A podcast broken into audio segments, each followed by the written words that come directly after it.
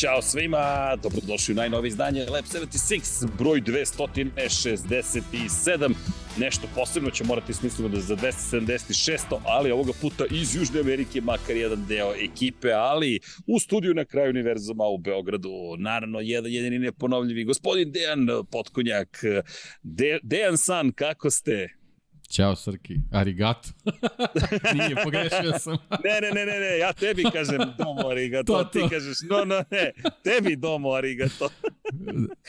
ali super vidite te. Da. Ne, naravno, oprostit ću ti, ali samo da kažem, super ti stoji dukserica, a ovo je ponosan moment, najzad dok si stigao.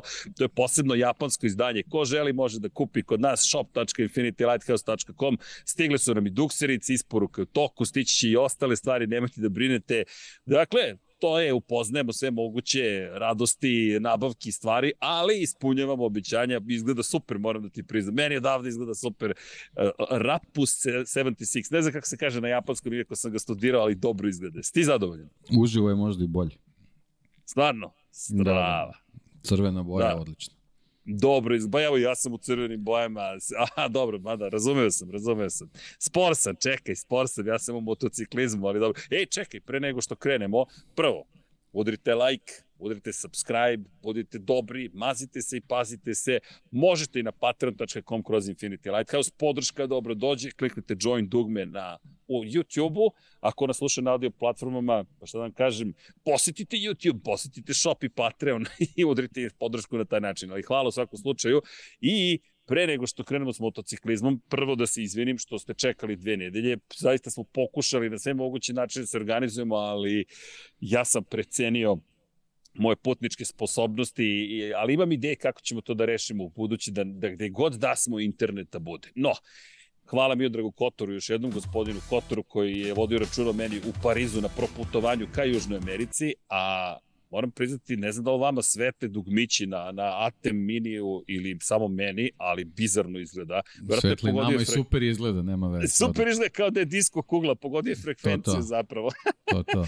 super. E, ali prego što krenemo s motociklizmom, Deki, hoću prvo da čujem tvoj komentar kao uh, čoveka koji nije dolazi 99 yardi. Tom Brady je otišao u drugu penziju. Imaš li nešto da kažeš na tu temu? Da li je to konačna penzija Toma Brady ili ćemo za 45 dana ponovno da slušam e, šalio sam se, vraćam se ipak.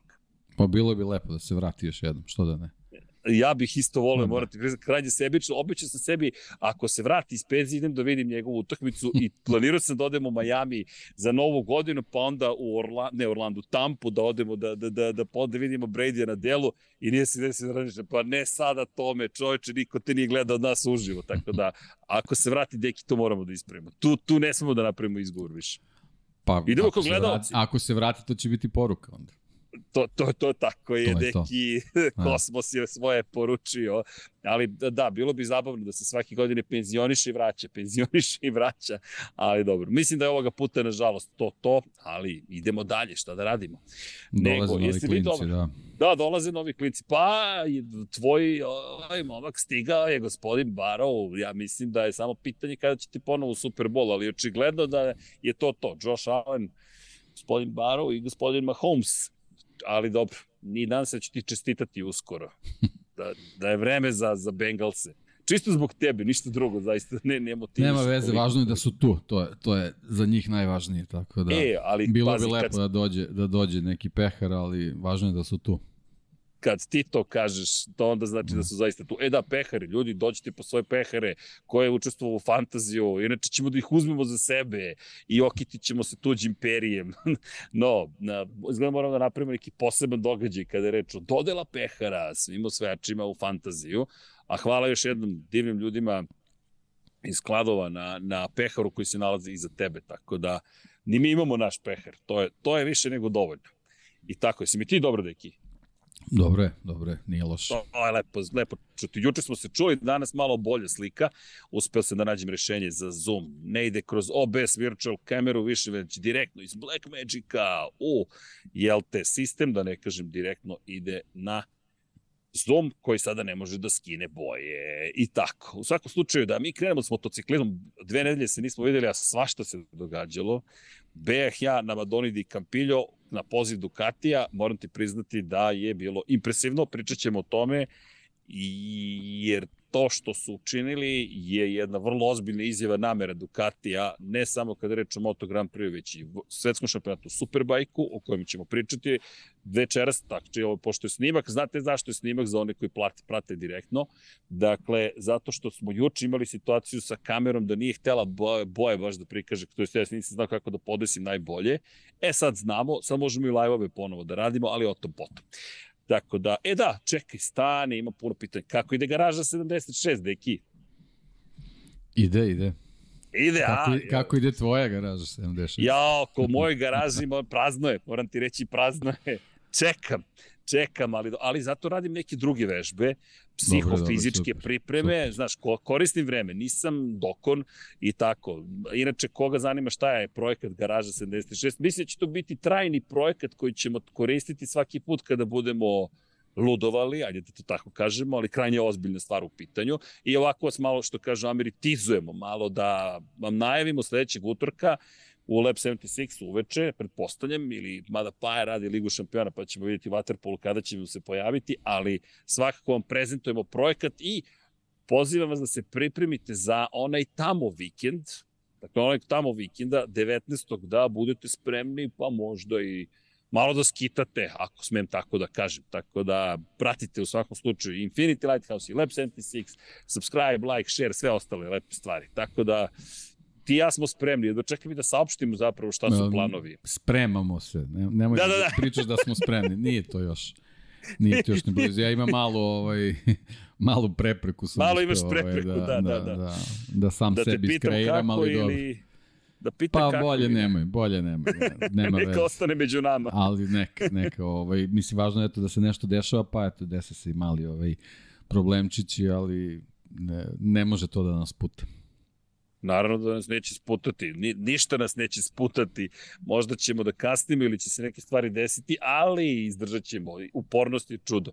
Nego da se mi bacimo na priču o motociklizmu, Odakle krenuti? Ajmo, moramo malo unazad, pošto nas nije bilo prošle nedelje, da izvinjam se još jednom i tu ću stati, ja se nadam sa izvinjenjima, ali Ducati predstavio motocikli i za Moto Grand Prix, i za svetski šampionat u Superbajku, i za Moto E šampionat. KTM je takođe predstavio svoju ekipu, Yamaha je već bila predstavila svoj tim. Ken Kavauči je potvrđen kao novi tehnički direktor svanične fabričke ekipe HRC Honda, međutim to se automatski prenosi na rad sa Lučiće Kinela Racingom. Mnogo toga se izdešavalo, imali smo prva testiranja u Superbajku, tako da imamo i testove o kojima ćemo pričati. Ove godine smo obećali da ćemo više razgovarati o Superbajku. Ne razgovarati, da ćemo se pozabaviti baš ozbiljno Superbajkom. Pa dakle, hoćeš da krenemo, Deki, hoćemo da je Pa ajmo, ajmo da Ducati ipak, ovaj, mislim, jeste da je bilo kao, da kažemo, naj, naj, najstarija je priča, ali generalno, ovaj, pošto si bio tamo, mislim da, da može tu da bude neki zanimljivih informacija koje ovaj se nekako i uklapaju ovo sve što smo aktuelno pa, vremenu da. dobili. Tako da možda, možda ne bi bilo loše da, da krenemo odatle pa da koristimo kao link za ove neke novije Ka priče. Ka svemu ostalome, jasno. Tako je, da, tako je. Ajmo prva stvar, dakle, samo da objasnimo, nekada davno postojalo je nešto što se nazivalo Vroom i to je zapravo Philip Morris kao jedan od najvećih, zapravo i tu vreme najveći sponsor što Ferrarija, što Ducatija u Moto Grand Prix-u koristio kao prezentaciju, redovnu medijsku zapravo, medijski događaj u, na Madoni di Campillo, u Dolomitima italijanskim i jedan od poslednjih vrumova zapravo je bio možda i najzvučniji po imenima kada govorimo o ljudima koji su se pojavili, Fernando Alonso u Ferrariju i Valentino Rossi na Ducatiju. Niki Hayden je bio uz Valentina Rossi, drugi vozač Ducatija. U to vreme Felipe Massa je bio uz Fernanda Alonsa i Filip Morris je od toga pravio zaista spektakl. Dakle, ne šalim se, zakupe pola grada, nije baš pola, mada onak je vrlo ozbiljno skijaški centar i mesto koje zaista vredi posjetiti u svakom slučaju. Ali pojenta je bila da je Filip Morris to koristio kao način da pozove medije, pokaže svoju snagu i pokaže snagu što Ferrarija, što Ducati. Još kad imaš Alonso i Rossija u, u tim bojama, zagarantovano da će svi mediji se odazvati. I to se nije dešavalo više od 10 godina zapravo i to jeste uvod u priču o Ducatiju i namerama, pa i postignutim ciljevima i Deki zaista je bilo impresivno kada pogledaš svi mediji su bili okupljeni bio je jedan čovek koji je bio ozbiljan izuzetak, Simon Peterson koji nije dobio poziv, čak i Matt Oaksley koji, na koga je Čabati urlao u Herezu prošle godine pred svima, dobio poziv, rukovali su se Luigi Dalinja i i Matt Oaksley zapravo ko je pratio Matt Oaksley zna da je bilo priča upravo o pritiscima u gumama, nisu baš to gledali sa, na, na najlepši način u Ducati, ali njegov posao da bude novinar i svaka mu čast, ali su rekli svi, ok, 2023. novi početi. I ono tamo je bila zapravo izjava vrlo jasna, poruka svima, mi smo na vrhu sveta, naši vozači će svi koristiti broj 1 i sada ćemo da okupimo sve novinare, iako svi pričaju o štednji, mi ćemo sada da trošimo pare. Jer realno, poenta je bila da dođu mediji i izveštavaju o tome. Da se družimo sa svima, da Instagrame koristimo, TikTokove, Twittere, Facebooke i sve ostalo. I to se i dešavalo. Skijanje, ne znam, šetnje po planinama, večere, doručci, ručkovi, u, da, da, da, da pre, prenesemo neko, nešto malo kolokvijalnije, klasična biblioteka. Dakle, jedeš, piješ i to je otprilike to i treba da stvoriš najpozitivnije emocije kada je reč o Ducatiju. I svi smo se šali, čekali, sad svi navijamo za Ducati od ovog momenta, pošto davno niko nije imao tu prezentaciju.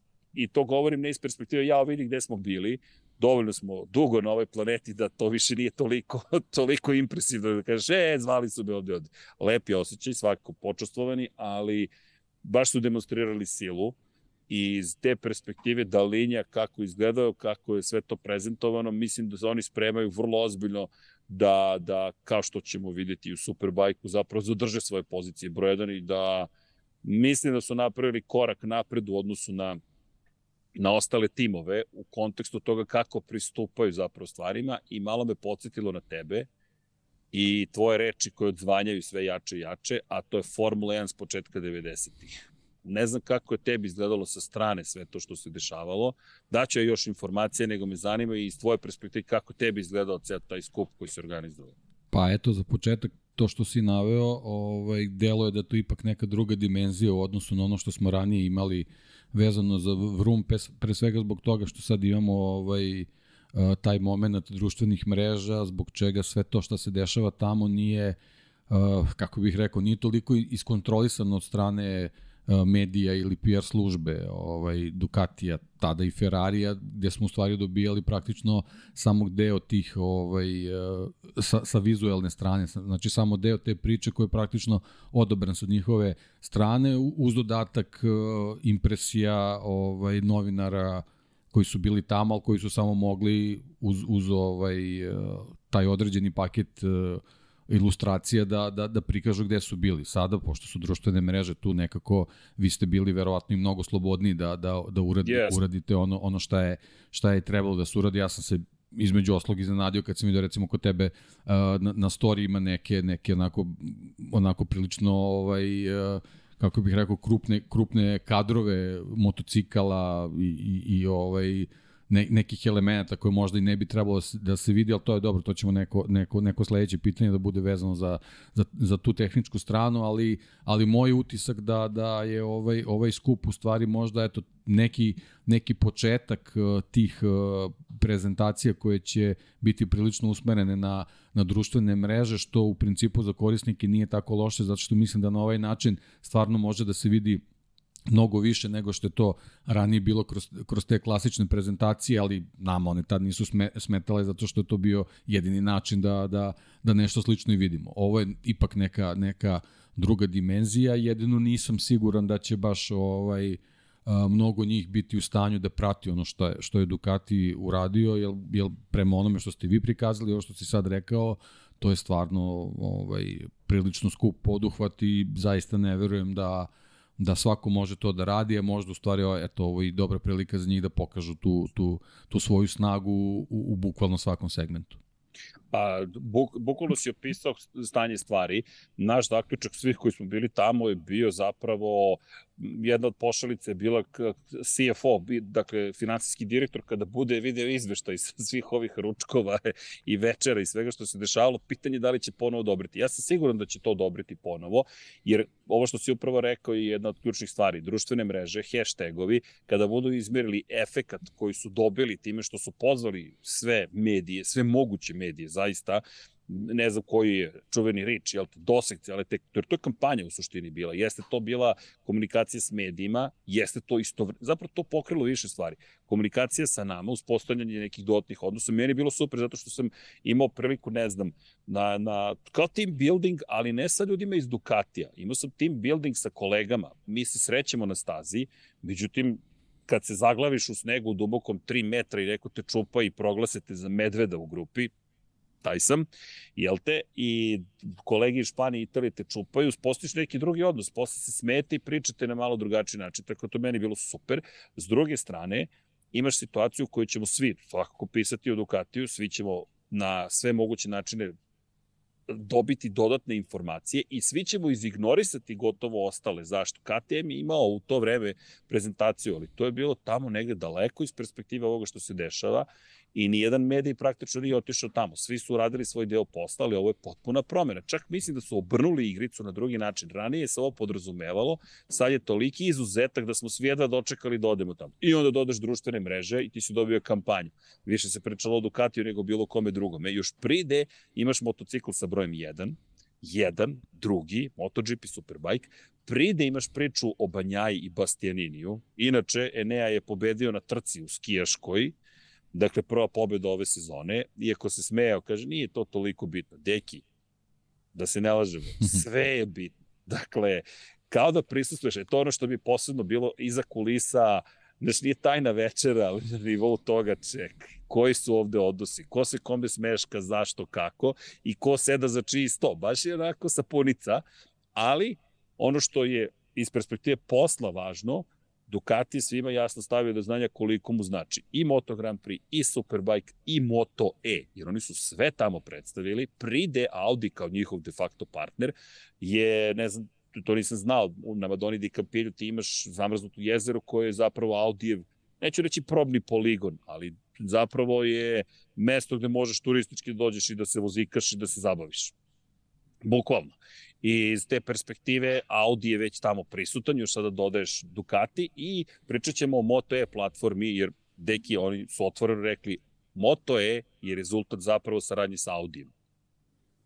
Pa, to nam je bilo jasno od početka. Tako da, da, ali sad imamo i zvaničnu da, potvrdu da, zapravo. Da, nije bilo druge, druge, drugog razmišljanja, osim da, da je generalno, da, su, da je Audi inicijator čitave te priče da se, da se Ducati uključi u, u Moto E bez obzira koliko Ducati kao tako bio velik, to je stvarno ogroman zaloga i, izbe, i bez, bez leđa koje, koje Audi pruža čisto s ovim da bi bilo moguće ući u taj projekat da, da se da se toliki broj električnih motocikala pre svega napravi, a pre toga da u stvari dođeš do, do, da razviješ takvu tehnologiju da, da oni budu ozbiljan korak napred u odnosu na ono što smo imali do sad sa Energicom. Tako da bilo je potpuno jasno da, da, da Audi mora da se uključi čitavu priču. Vidi, apsolutno jasno je da zapravo grupacija stoji iza toga.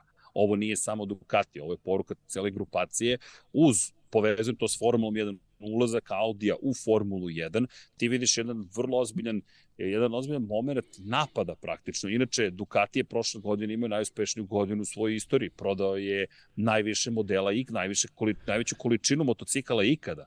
Znaš, opet pričamo o krizi, a Ducati obara rekorde po broju prodatih primeraka. Jer Ducatijev segment nije kao Hondin ili Yamahin. Ducati neće prodati 15 miliona motocikla kao Honda, ali Ducati nema te motocikle koje prodaje Honda. Dakle, mi govorimo o nečemu što su de facto superbike pre svega, modeli super sport, dakle možemo da proširimo gamu. Pa da, ali, ali eto suštini... taj, taj prefiks, taj prefiks super ti u stvari govori, to ti je kao i gama super automobila. Dakle, ti jednostavno Tako imaš je. neke brendove koji se bave samo određenim, određenim segmentom, jednostavno nešto drugo ih i, i, i praktično ne zanima, tako da ono što je eto, možemo da kažemo, ako, ako smo vezani za Volkswagen grupu, ono što je Lamborghini u, u, u toj priči, ovaj, na četiri točka, sa druge strane to je i, i, i Ducati, Ducati na dva, eto, sad kad sam ispomenuo Lamborghini, oni su imali prethodne nedelje u Livinju ovaj, svoju, svoju tu neku zimsku akademiju i, i, i neki sličan događaj, tako da, eto, to su, to su te neke stvari koji u stvari povezuju i generalno prikazuju tu neku njihovu strategiju sa brendovima i, i Ducati i, i, i pre Audija, neki, neke smernice koje je imao ovaj, poštuju se i danas i, i, i samo se u stvari uh, granaju, ali, ali u tom nekom, te, tu, u tom nekom opsegu koji u stvari zaslužuje taj, taj prefiks super i to je i dalje tako. Da, inače, ako se ne varam, mislim da je Lamborghini imao rekordnu godinu po broju prodatih primjeraka, jer to, to je nešto što sam vidio zapravo, to su sve informacije koje dolaze od Audija. Audi je taj Tako koji je. nas snabdeva informacijama i vrlo je precizan u, u tome šta, što čini zapravo i kada pogledaš kažeš ok, stani, ovo su neki jasni smerovi gde se šta događa i bukvalno kada pogledaš kraj godine kakav je bio, meni to bilo krajnje zanimljivo. Dakle, 61.562 motocikla su isporučena prošle godine kada je reč o Ducatiju. I kažem, Honda prodaje 15 miliona, ali to nema veze zato što ne govorimo u poredivim kategorijama. Nisu to mali skuteri koje poštujem, to je gro izvore para za Hondu, već to je neka druga kategorija. Inače, to je skok u odnosu na 2021. od 3,6%. Pri čemu, odmah posle toga saopštenje za javnost, 10. januara, Lamborghini rekordni broj prodatih primjeraka. Dakle, još jedan rast. I još jedna stvar, kada pričamo o, o, o Audiju, koji još ima rekordnu godinu, Bentley. Dakle, mi sada govorimo, prvi put je došao do toga da proda preko 15.000 primjeraka godišnje Bentley. To su sve stvari koje ti jasno govore kolika je moć trenutno što Audija, što Ducatija, a pride imaju 100.000 električnih modela koji su isporučili prošle godine u Audiju. I to sad spajamo sa Moto E pričom čisto da, da, da bi negde spojili sve zajedno, jer ovo miriše na Audi. Smejali smo se svi, ovo nije platio. Bukvalno je neko rekao, this is not MotoGP money, this is Formula money. Bukvalno, tako to je bilo utisak. da, tako je. da to nije novac Moto Grand Prix. Nema nikakvog smisla da Moto Grand Prix, mnogo manji, toliko para potroši na jedan takav događaj. Zvanično nema Formula 1, ali iskreno, deki, 2026. godine, kada bude se organizovalo nešto slično, to će biti Audi i Ducati zajedno vas pozivaju, pa sad vidjet ćemo gde. Da li će to biti Madonna di Campillo, ili će biti Švajcarska, ili će biti Nemačka, to ćemo da vidimo. Ali Madonna di Campillo mislim da će biti i dalje mesto gde će se pojavljivati, jer Audi očigledno da tamo takođe ima neku svoju vrstu zimske baze, uslovno rečeno turisti, jedna od milion verovatno, ali čisto to su utisci i kažem demonstracija sile. Međutim, zašto je to bitno? Bitno je zato što mislim da Ducati će naterati ostale proizvođače ili da promene način na koji pristupaju Moto Grand Prix-u, jer i Honda je u Formuli 1 na ovaj ili onaj način, ili će morati da prihvate da ispadaju iz igre. Jer mislim da, neko se našao juče u Formula 1 podcastu da, da, je, da je, kaže, to je Ducati kup. Pa trenutno možda jeste nešto što je povuklo previše ka nekom kup takmičenju, ali mislim da nikom neće odgovarati, pa ni Ducatiju, da oni ostanu jedini u celoj priči. Ja se iskreno nadam da će ostali odgovoriti.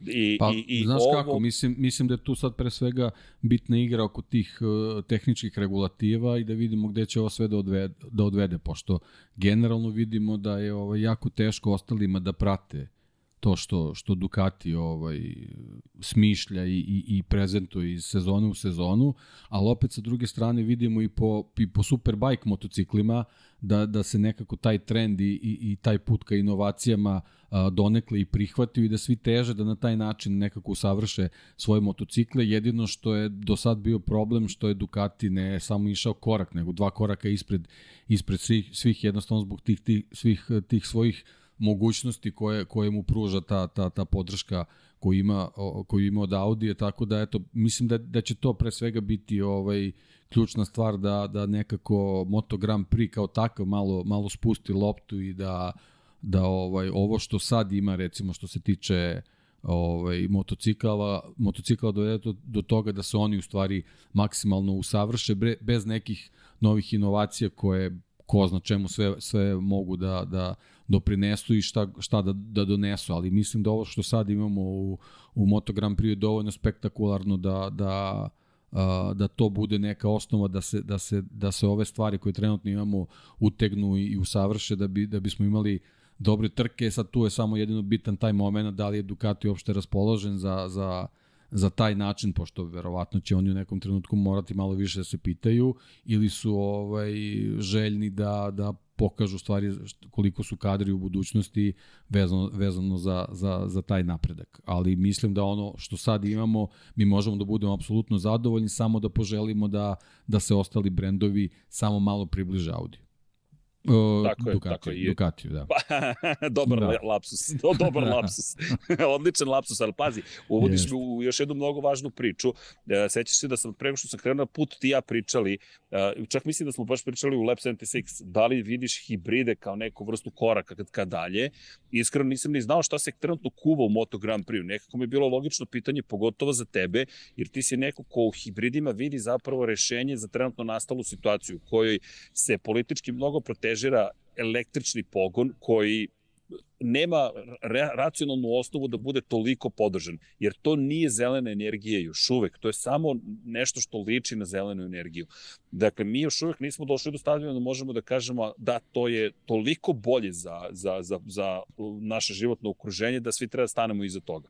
Upravo to. Svi želimo, upravo to. Svi želimo da. da zaštitimo prirodu, ali trenutno ne vidim da je to pravi put. Pa ne, ja, hibridi... samo, ja samo to vidim, da, samo to vidim kao nek, nek, neki radikalni prelaz. Mislim da nema potrebe za, za tim u ovom trenutku. Mislim da, da ta neka hibridna tehnologija koliko sam ja sad upoznat naravno s tim, mislim da naravno. može da bude neki dobar prelaz koji nije kratkoročan, nego stvarno na, pričamo o tome da, da možda u sledećih nekoliko decenija imamo prilike da se napravi taj, ako je, ako je potrebno da se ide u potpunosti ka, ka toj električnoj orijentaciji, da, da se napravi jedan dobar prelaz sa tim hibridima koji koji stvarno mogu ovaj dosta toga da pruže i, i u pomaku tehnologije, a i a i, a i nešto što bi sa, sa nekim omasovljavanjem moglo ovaj drastično da promeni trenutnu trenutnu situaciju koju imamo vezano za, za zaštitu životne sredine, ali stvarno ne vidim da je potrebno preko noći i tako ovaj tako energično da, da, da se sve usmerava ka ka električnim pogonima. Eto, to je, to je samo neko, neko moje viđenje, kažem, na osnovu nekih iskustava koje sam dobio tokom svih ovih godina, eto, radeći ovaj, u, u tom nekom automobilskom sektoru, tim automobilskim medijima i testirajući te automobile, to je eto, ne, neki, neki moj zaključak. Ali što se tiče generalno Audija, ovaj, da, da, da samo završimo vezano tu, i tu priču da, da. Ovaj, sa njima, pošto nekako smo povezali Moto Grand Prix, Formulu 1 i generalno automobilizam. Audi je pokazao da on stvarno želi na, na mnogim frontovima da bude ovaj u prvom planu jer, jer mi imamo Audije koji su na na Dakaru prilično zastupljeni imali smo ovaj priču nažalost koju nećemo ovaj moći da da vidimo kako će se kako je bila zamišljena i kako će se ostvariti Audi koji sa sa Canon blokom hteo da uđe u tu neku gimkana priču sa sa rally automobilom na električnim pogoma, a znamo da su VRC-u već već su počele priče da je ovo u stvari sad sa, sa ovim hibridnim pogonima neka samo prelazna faza ka, ka električnim ovaj, rally automobilima. Znamo šta je Audi bio kad, kad je B grupa bila ovaj, u svetskom šampionatu, verovatno takav su primat poželeli i u nekoj budućnosti kad dođe taj, taj neki električni pogon i da sve ovo što sad imamo u stvari su samo neke njihove pripreme da bukvalno u, u, u nekoj budućnosti u svim bitnim uh, kategorijama auto i motosporta ovaj, u svetu uh, Audi ili, ili njegove filijale apsolutno dominiraju. Tako da, da možda sad i prisustujemo uh, početku stvaranje te, te, te neke nove uh, nove imperije u auto moto svetu, tako da ovaj ostaje nam u stvari samo da vidimo u kom smeru će to ići koliko su organizacije koje su su ve, zadužene za u stvari organizovanje šampionata mogu da da podrže ovaj ideje jednog brenda da da da da nastavi da da da se razvija kroz kroz tu neku visoku tehnologiju koju za sad vidimo nisu svi baš u mogućnosti da da prate. Pa da, ali vidi, ajmo da pričamo sada, da pričamo o takmičarsko poslovno i posao je takmičenje, a takmičenje je očigledno, jel te sama reč govori takmičenje, ti se boriš da budeš najbolji. Dakle, da, da budeš, da izvučeš najbolji iz sebe i da postao, pobediš konkurenciju. Pre čemu kad ti se ukaže prilika, kao što je Mercedes uradio, na primjer, na početku hibridne ere u Formuli 1, da se postaviš na neku dominantnu poziciju, Pa ja ne znam zaista ko to neće iskoristiti i reći ne, ne, ne, ne, slobodno me vi sustignite, neću ja da budem prvi da dominiram. Naravno ćeš da dominiraš ukoliko možeš. Tako da utiska sam da je zapravo Audi našao načina baš si lepo opisao, imaš Dakar, imaš, tako, ajde da pričamo i o Le Manu, deki, tako dakle, je, o čemu je. pričamo. Tamo su se već dokazali, koji... tako je, tako je. Dokazao se prvo sa benzincima, pa onda s dizelašima, pa onda sa elektrikom, šta, šta, šta je ostalo više da dokažeš? Ti sada, e, tehnologija, pa ti si davno rekao, pre dve godine, obožavam te stvarno i Paju i tebe, dakle, ko ne prati Lab 76 greši silno, zato što ti sve objasnio još pre dve godine. Audi ima motor, imao je već motor pre 10 godina, V4, dodaš dva cilindra, to su i uradili, što ti kažeš spakovali na neku policu i sad su rešili da uđu. Ali nije samo to, ovo je napad sa svih strana. I sad, to me dovodi do još jedne bitne stvari. Zašto spominjem hibride? Pitao sam Dalinju, rekao, Čiđi, nisam ni znao da sam naišao na malo veću priču nego što, što, što, što sam mislio iskreno. Sam mislio da će odgovor biti onako, neki ovlaš odgovor. Ne, trenutno se vodi žestoka bitka, niko neće da potvrdi, nezvanično imam puno nekih informacija, ali dok ne postane zvanično da ne dobijem potvrdu od drugog izvora, ne bih da ih iznosim, ali ono što mogu da kažem, Ducati je tražio da se za nova pravila 2026. uvedu hibridni pogoni u Moto Grand Prix. Dakle, da, Linje je otvoreno rekao, ja duboko verujem da je pravi nastavak, to je sledeća etapa razvoja motocikala, hibridni pogon. To je njegovo ubeđenje. I baš smo pričali o tome, rekao, sećaš se da smo spomenuli da je Mark Marquez na KTM-u imao KERS, Dakle, on je da, imao Kers da. koji je bio 2,5 kg težak na prednjem točku, jer Marquez toliko bio lagan u to vreme, si ti mogao da dodaš njemu bala, si imao balast da bi on mogao dečko da vozi. I balast su potrebili zapravo kroz Kers. E sad, nikog nije bilo očigledno iz KTM-a, jedva čekam prvu trku u Portimao, bit ćemo u Portugalu, da pitam i ekipu iz KTM-a. Halo, vi ste imali Kers pre 14 godina, gde šta ćete vi da ulazite u hibride ili ne? Po onome što, što negde vidim, Samo Ducati izgleda gura ka hibridima. I pazi sad priča, koliko meni je makar zanimljiva, Moto E, odemo na prezentaciju Moto E motocikala, o tome ćemo posebno pričati, jer te motocikle saista treba prezentovati. Ali, teki, da li si ti znao da taj motor nema zadnju kočnicu? Nema zadnji kočini disk. Ima kočnicu, nema za kočini disk. Da, da, vidiš, da. Nisam, nisam, da, nisam uopšte razmišljao Pazi, u tom smeru, da. Nisam ni ja. Znaš šta ima? Kao na autobusu, elektromagnetnu kočnicu ti imaš elektromagnetnu kočnicu koju zapravo šta su ustanovili, rekli su vozači zapravo su ustanovili da uopšte ne koriste zadnju kočnicu, samo u krivinama koriste zadnju kočnicu zapravo da koriste kontrolu, da, da im je kontrola proklizavanja ručna, gde oni određuju koliko će zadnji točak da im, da im beže ili ne. I šta su uradili? Softverski su simulirali zapravo taj isti osjećaj kao kad pritiš, pritiskaš disk ne, ne znam da li je neko obratio pažnju kada se vozi autobusima na nekim putovanjima, pa vozač kada, je, kada prilazi krivinama povuče jednu ručicu. On zapravo upali elektromagnetnu kočnicu, čime ne samo što, jel te, puni akumulator ili, ili šta već, ne, nije hibridni pogon, ali očigledno neki elektrosistem vraća tu energiju, a s druge strane usporava rad točkova na jedan, da kažemo, neinvazivan način. Dakle, nema blokiranja točkova, nema pregrevanja diskova, ti si na nekoj neizbrdici serpentinama i to usporava i ti imaš veću kontrolu nad autobusom. Na ulazku u krivinu vrate ručicu nazad i nastave da voze, smanjuju opterećenje. I sad, to isto uradio Ducati, baš sam pitao glavne inženjere koji su radili Moto E, rekao, ovo kao autobus, oni počeli se smeju, kaže, bukvalno kaže kao autobus. Tako da pozadi nema kočnice, fotografisao sam, to ćemo kad budemo analizirali tehnički, imaš samo elektromotor, to jest elektromotor generator, ili ti zvuči poznato, MGU, jel te, i, i koji, koji stoji pozadi, pa da, mislim, budimo realni, i to ti je sada zadnja kočnica. Ja ih gledam i rekao, a da vas pite mene nešto, momci, a hoćete vi moći nešto da ove... Da, inače, kakva je, kako su oni postavili stvari? Moto Grand Prix je research and development, takmičenje. Tu pokazujemo koliko smo moćni, brzi, najbolji i tako dalje. Ali, To je research and development koji se spušta u svetski šampionat u Superbajku, zato što je Superbajk zasnovan jelte na serijskim motociklima. A onda ta tehnologija se doteruje do maksimuma na trkanju u Superbajku, a onda to spuštamo na naše ulične motocikle generalno, sve to što smo tu uradili. Prije da imamo Moto E, koji nam sad čemu služi? On će poslužiti kao osnova za razvoj električnih motocikala. Međutim, ajde sad da zakomplikujem stvari, ali nisu komplikovane, samo su zabavne, kompleksne svakako.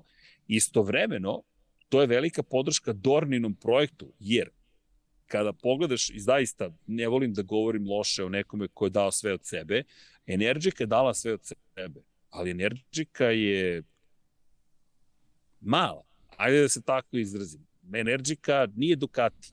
Neo u Matrixu ne vozi Energiku. Oni su možda želeli ili mislili da će doći do tog nivoa, ali mislim da su se i oni se iznenadili koliko tu truda i rada treba. I to ono što pa da, ali mislim, mislim da, da ne treba da, da žale za, za bilo čim, zato što su u pravom trenutku našli u, u Moto Grand Prix sa tom idejom električnih motocikala. Uspeli su da, da, da ispune neke zahteve, naravno bilo je tu malo i poteškoća i, i, i vatri i požara i sva, sva što je tu bilo, ali generalno oni, oni su uspeli da, da ovaj, urade ono što se od njih očekivalo generalno što se tiče Dorna i Moto Grand Prix sa te strane, a sa druge strane mislim da su oni sasvim, sasvim lepu reklamu dobili za svoj brend, tako da će tako verovatno tako moći da je. da učestvuju u nekim budućim uh, poduhvatima, tako da mislim da je to bila Ej. neka win-win kombinacija koliko god da da je ovaj, u ovom trenutku deluje da, da, da su morali da napuste čitavu priču zato što jednostavno nisu mogli da drže korak sa, sa ambicijama koji, koje Dorna i, i, i Moto E ima. Tako je,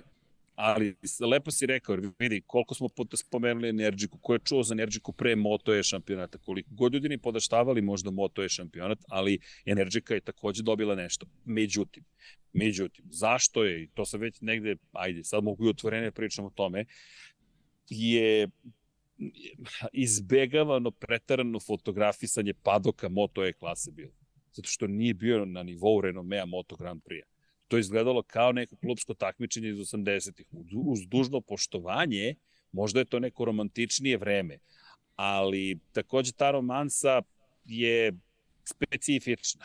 Znaš, e, dolaskom novca, vozači su bezbedni, imaju lepše živote, luksuzni i tako dalje, malo je manje romantike, malo manje sami popravljaju, malo manje tovatne masti, ulja i tako dalje, manje možemo mi da fotografišemo kao cvele što je fotografisao u Monaku delove motocikla, za razliku od Ducati koji nas je pustio deki. Ja sam šokiran, inače digresija, ali nas su ostavili u teatru kada je završena prezentacija. Inače, to je naravno bilo klasično, onako velelepno, teatar, e, muzika, film, govori se drže, na sve strane foto, fotografisanje. Međutim, posle toga medije, med, imaš bukvalno razgovore sa vozačima, pošto smo znali da ćemo ih videti, rekao, aj ostanemo ovde i Jelena, Jelena Trajković, naša koleginica Zvezdica, I ja, ostali zajedno se možda još dvoje, troje ljudi. Teki, motocikli ne izvolite.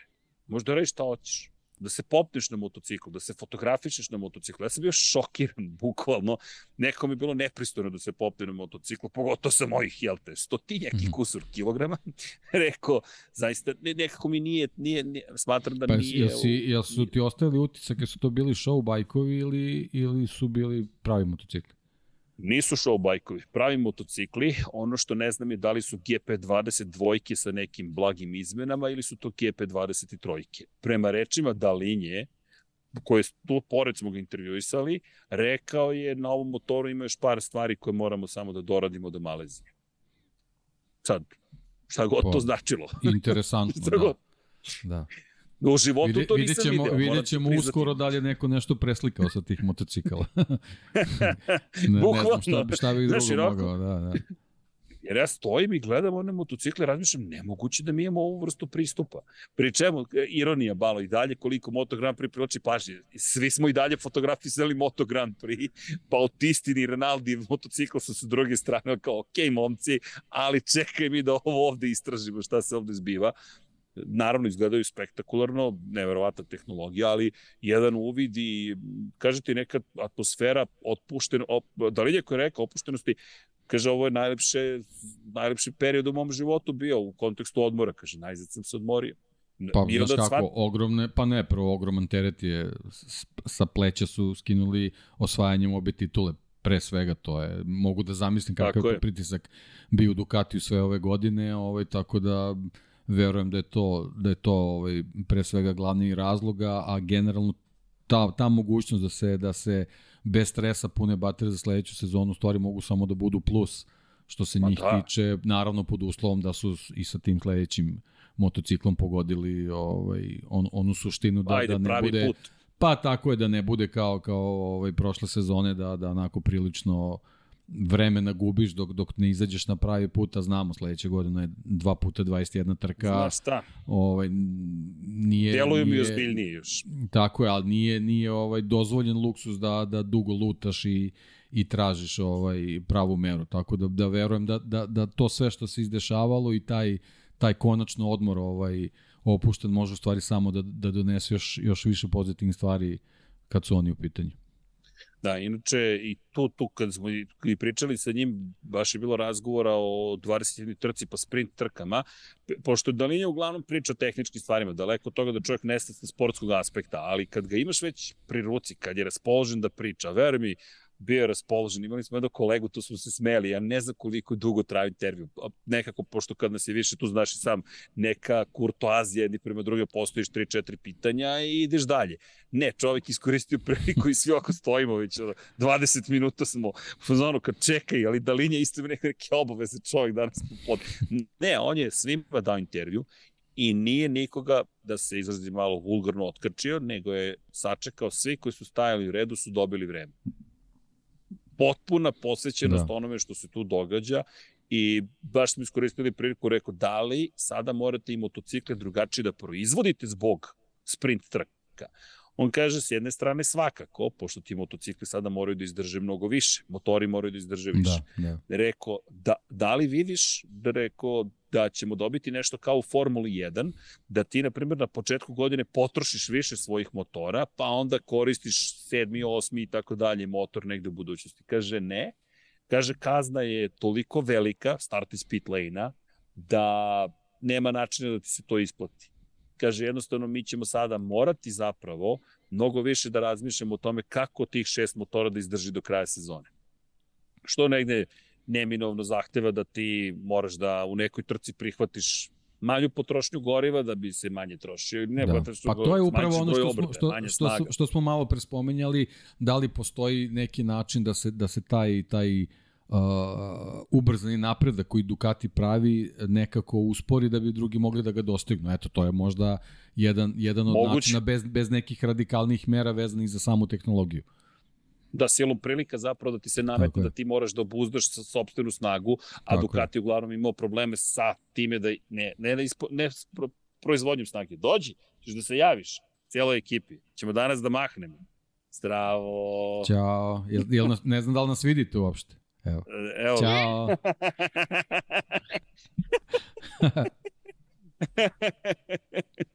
Verovatan efekt. Prepade dok se je, dete.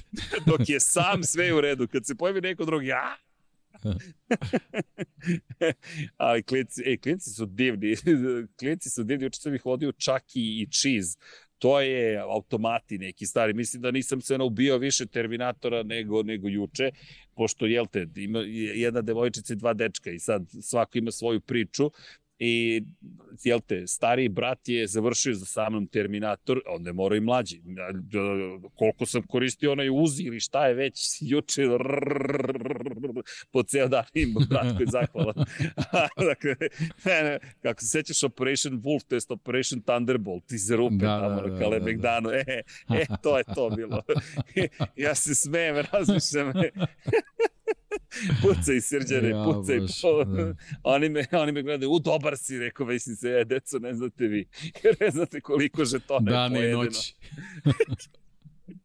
to, to, to.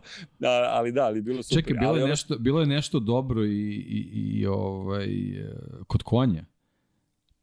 A, Mislim, ja sam tamo išao, tamo sam uglavnom konja? išao na, na vozačke, ali, ali bilo je nešto Ne mogu da se, se setim. Da, da, bilo je nešto, da, sad mi se vraća neki film da je tu bilo isto neko šta? pucanje onako da, da, da ti ozbiljno zloba otpadne. Ja se rupe sećam, to, to je bilo kao ideš u rupu, Bojan Majer i ta ekipa što je pisala za svet kompjutera, ali se takođe, pošto sam ja rastao u Zemunu i onda u Zemunu si znalo, ideš na poslednju stanicu 83 i tamo... Rastao si tamo, pored Dunava pored Dunava, tako je. Znaš ti kad je prvi put došla naša divna snajka Paola u Beogradu, imaju priča da imamo mi reku, ima Santiago reku. Vidi, imaš reke, imaš Dunav, to jest imaš te neke reke, reke. I kao idemo do reke, i onda je kad ste išli kao, uh, ok, imate veću reku. e, ali znaš šta je zanimljivo? Možda ima veću rekolu i Santiago koji ima 5,5 miliona stanovnika nikad ne ostaju bez vode, što je eto, vrlo zanimljivo. Eto vidiš, da. eto, neko rešenje postoji. Ne, no, Paradoks. kada je, paradoksi, paradoksi, ali kada je reč, da, da, o, o, o tome, eto, možda neposredno, to je posredno može da se smanji zapravo Ducatijev uticaj tako. Ne znam, vidjet ćemo, znaš, ali to je isto nešto čemu nisam razmišljao, dok ga nisam vidio, razmišljao, čekaj srđane, pa moraš da postojiš i tehničko pitanje. Ovo sad menja stvari. Pitao sam to i Bastianini, ali Bastianini mi je dao klasičan PR odgovor, ponovio je istu rečenicu koju je dao svima, pa tek kad sam ponovo rekao, ok, nećeš da nam otkriješ nikakvu tajnu, rekao je, vidi, Portimao će biti test za sve nas, ali ne test u Portimao. Jesi spreman sada? Ne. dakle, kad test u Portimao zapravo će biti prva trka i Lukas nek se igra ovde, pa kad posle... Slobodno, slobodno, pusti ga, da, da. Neka, uživaj. Neka čuju YouTube, to ti je... Tako da je point u tome da ti kada pogledaš zapravo u toj celoj priči o, o Da, izvolite. Nema veze. A, gde sam bio? Sad, sad sam zaboravio. Čekaj, šta smo pričali? Ovo sad pobeže mi misao. Nema veze. Setit ću se. Nešto sam teo da kažem apropo tehnologije, pa onda... Da, Bastianini. Rekao je kad dođe prva trka u Portimao, to će nam biti zapravo pravi suštinski test uopšte kako ćemo ove sezone funkcionisati. Jer pitao sam ga kad planirate da radite setup za sprint, kada planirate da radite setup za Grand Prix trku, kada planirate da se pripremite za kvalifikacije. I sad pokušaj da da odgovore, pitao sam ga, pošto ćeš raditi do ove godine sa, sa novim šefom ekipe, šta sada? I kaže, vidi, mi malo toga možemo sada da radimo. Isto i Dalin je rekao. Kada dođe prva trka, tek tu ćemo zapravo moći da vidimo. E sad ono što je zanimljivo, Matt Oaksley, neću da kvarim šta će sve da piše, ali mogu reći da pratite Matt Oaksley i njegove tekstove, jer je trenutno jedna od glavnih preokupacija da, Gigi Dalin je zapravo veštačka inteligencija. I po uzoru gle čuda na Formulu 1, Ducati ozbiljno radi na razvoju toga da simulira trke u zapravo virtualnoj stvarnosti i na taj način da pokuša da dođe do pobedničkih strategija u Moto Grand Prix.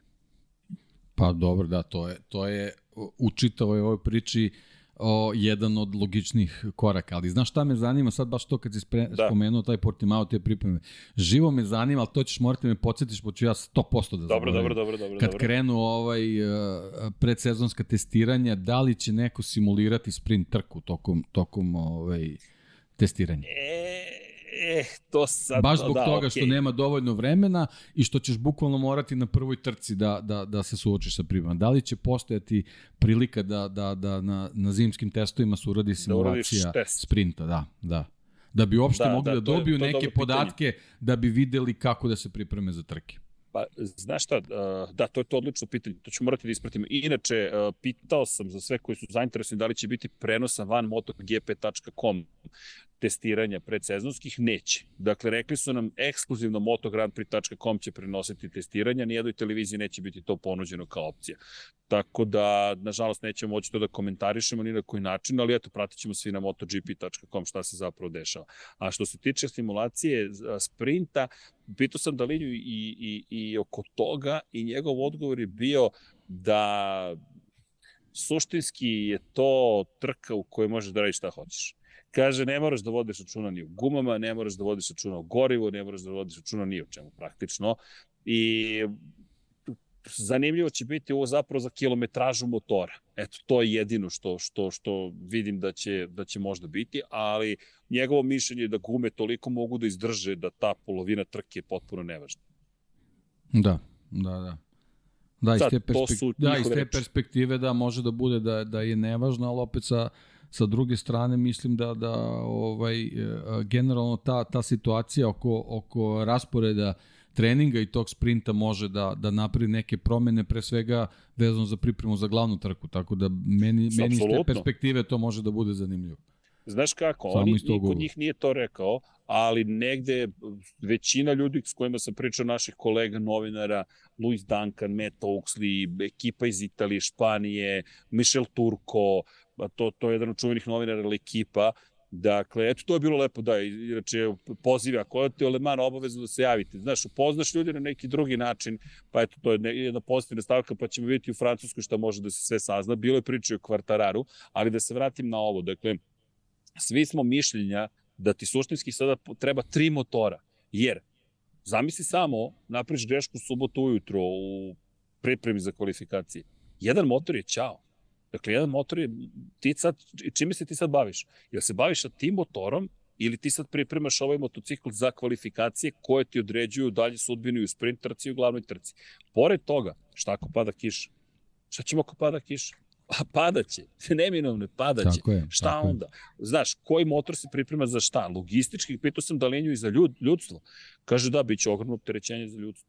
Jer to, na to niko nema odgovor kako ćeš da, rešiti i, niti, niti ko razmišlja o tome da, da kad su, kad su ubacivali sprint u bukvalno čitav mm. kalendar. Tako to je. Stvarno, mislim da će biti ogroman zalogaj ovaj posebno što se niko od njih sa tim nije nije na pravi način ni suočio niti imao prilike da da simulira da vidi kako to izgleda ovaj a kad krene uživo ta priča. Zato je mislim da će biti baš posebno kad se dese ne, nepredviđene i neke vanredne situacije mora si da imaš 3 do 5 trka u jednoj sezoni u kojima testiraš. I tek onda kada vidiš zapravo koji su problemi da kažeš ok, ovome ćemo raditi.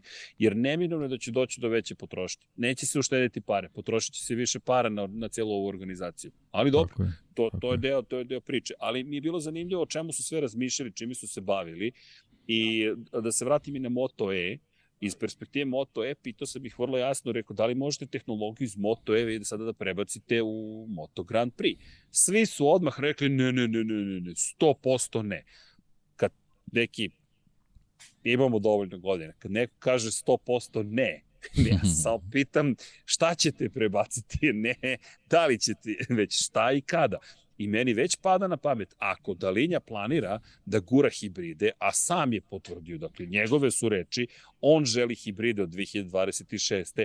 Da te pitam, koji tim ima 20 motocikala koji će na zadnjoj kočnici imati MGU? Tako je, pa da. Znaš, Ja već vidim tehnologiju da. koja neminovno ulazi u Moto Grand Prix. Ona samo sada ne može da se primjeri jer pravilnikom nije dozvoljena. Ali ako dalinja izgura da mi dobijemo hibride.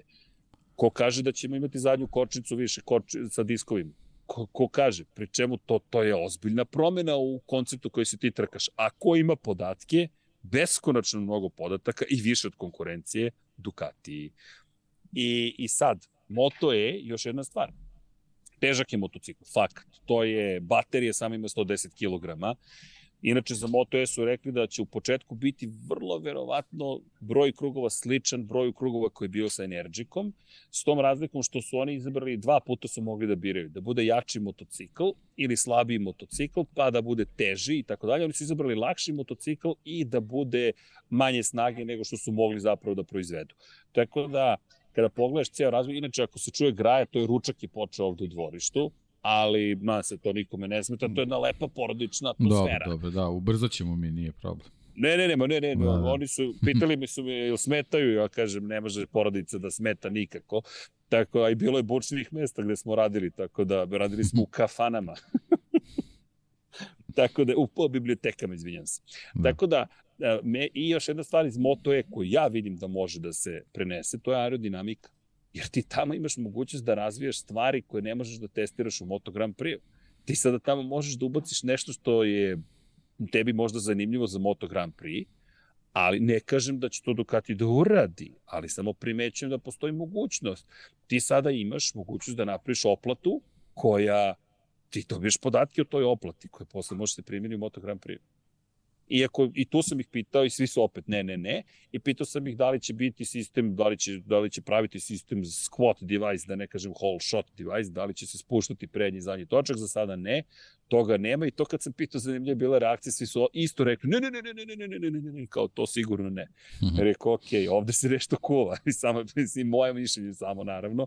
To su utisci ali je bilo zaista lepo videti zapravo kako razmišljaju, funkcionišu I ima još jedna bitna stvar u toj cijeloj priči. Spomenuo sam, jel te, AI, to je Artificial Intelligence. Spomenuo sam malo pre e, da se razvija, da, da se jel te, razvija tehnologija koja u Moto je može da se, po mom mišljenju, prema mom mišljenju, može da se prenese u Moto Grand Prix i jedna od najnovijih vesti koje dolazi zapravo iz Ingolštada, da ne kažem iz, jel te, mesta koje je sedište Audija, šta su rekli, jutro se izašla vest 1. februar, kaže Audi deepens the software expertise with around 400 new IT positions. Ili ti, Audi produbljuje svoju ekspertizu u razvoju softvera otvaranjem 400 novih IT pozicija. U momentu kada te, tehnološka industrija otpušta ljude na sve strane, Audi otvara 400 novih pozicija. Slučajno. Slučajno. Znaš, tako da mislim da je Audi zapravo rešio što ti kažeš da zavlada svetom, ali eto samo nekako kako stvari izgledaju u ovom trenutku, pa i taj ulazak u moto je baš ozbiljan i ono što svi jedva čekaju jeste zapravo da vide kakav će glamur da Ducati donese u, takođe u Moto E klasu. Što se tiče Superbajka, tu je bilo nekako najmanje priče, ali nije podcenjen razvoj motocikla u Superbajku, nego jednostavno uz Moto Grand Prix prvo Ducativu titulu u Moto Grand Prix posle toliko godina, iako su dugo čekali ovu Superbajku, fokus je bio na, na, na Banjaji, ima i tu priča, ne zameriš, tu uzimam dosta vremena, ali zaista mislim da je važno što se tamo dešavalo. Ne, ne, Konačno, baš, baš je to i bila ideja, tako i treba. Da, da, da Znaš, i dali su nam uvid u stvari koje nismo očekivali. Kažem, Superbike, pričat ćemo i o testovima, deluju da su se zaista ozbiljno pripremili za nastavak za ovu sezonu i da i tu isto imaju vrlo ozbiljne namere i da, da su oni zaokružili jedan ekosistem, da ga tako nazovem, jer ti će sad imati trke Moto E klase, dakle kada isporuče prve električne motocikle, reći to su trkački motocikli, super, jel te, super e-bikes ili kako god da ih budu nazvali. Jer to neće više biti električni motocikli, to će biti super motocikli da se osnovim na ono što si ti lepo rekao na početku. Zatim imaš Superbike koji je titula, to su motori koje se rećeš na ulici, to je Panigale u osnovi i onda Moto Grand Prix kao perjanica gde ti možeš da vidiš kakvu tehnologiju se možeš da razviš. Tako da su oni sve zaokružili, još uz spoj sa Audijem baš onako impresivno. I sad kao da to nije dosta, ti na sve to, e da, još jedna velika promena. Monster je novi zvanični sponsor Ducatija. Dakle, to Pa dobro, da, otvorila se, pa ja mislim da je to i bilo čekano s obzirom da se otvorila pozicija odlaskom Suzuki. Jeste, gde, gde, ono što si ti rekao. Bio i verujem, da, i verujem da je ta količina novca verovatno samo i preusmerena, pošto se Monster se i na Suzuki pojavio posle osvajanja Mirove titule, tako da jest, ovo je jest, prilike neki nastavak te strategije. Tako je, tako je. Jeste, jeste. Ali mi je bilo zanimljivo da. zato što je godinama u Ducatiju važilo da nema zvaničnog energetskog pića, već je svaki vozač dovodio svoje. Ako se setiš, imali smo Andreju Dovicioza koji je bio Red Bullov takmičar, a preko puta je sedeo Jorge Lorenzo koji je bio Monsterov takmičar, pa smo imali Jacka Millera koji je u Red Bullu i Francesco Banjaju koji u Monsteru. Dakle, ponovo nisu birali strane, nego su postojili svojim vozačima da, da završe posao i nisu ni sa kim potpisali ugovor na, na, na fabričkom nivou. Sada, bio je čovek zadužen za, za, za celu Evropu iz Monstera, koji je inače u Moto Grand non stop. Dakle, kako se zove čovjek, John, da, John Monster, tako je, kada se smijem pomislim našeg Tomu, Toma Monster od Trvike, rekao, ima kao pozdravi Dejane, rekao, pozdravi od tebe, pošto je Toma je drugar pre svega, Toma BMX, kako smo ga nekad zvali, ali... A inače a to se zove Dejan, da. Dejan Tomić, da. to, to je jaka priča. U svakom slučaju, u, u, pojavljuje se i on i ja gledam, kad ne, znao sam da su potpisali, jer prvu noć, pošto je već odštampano sve na, na panelima, na medija, medijskim zidovima i tako dalje, vidiš Monster. I rekao, aha, a iste veličine kao Lenovo, kao Aruba, kao i ostali. I vam rekao, kako je moguće, ali onda shvatiš, pazi sad ovo, pazi sad ovo.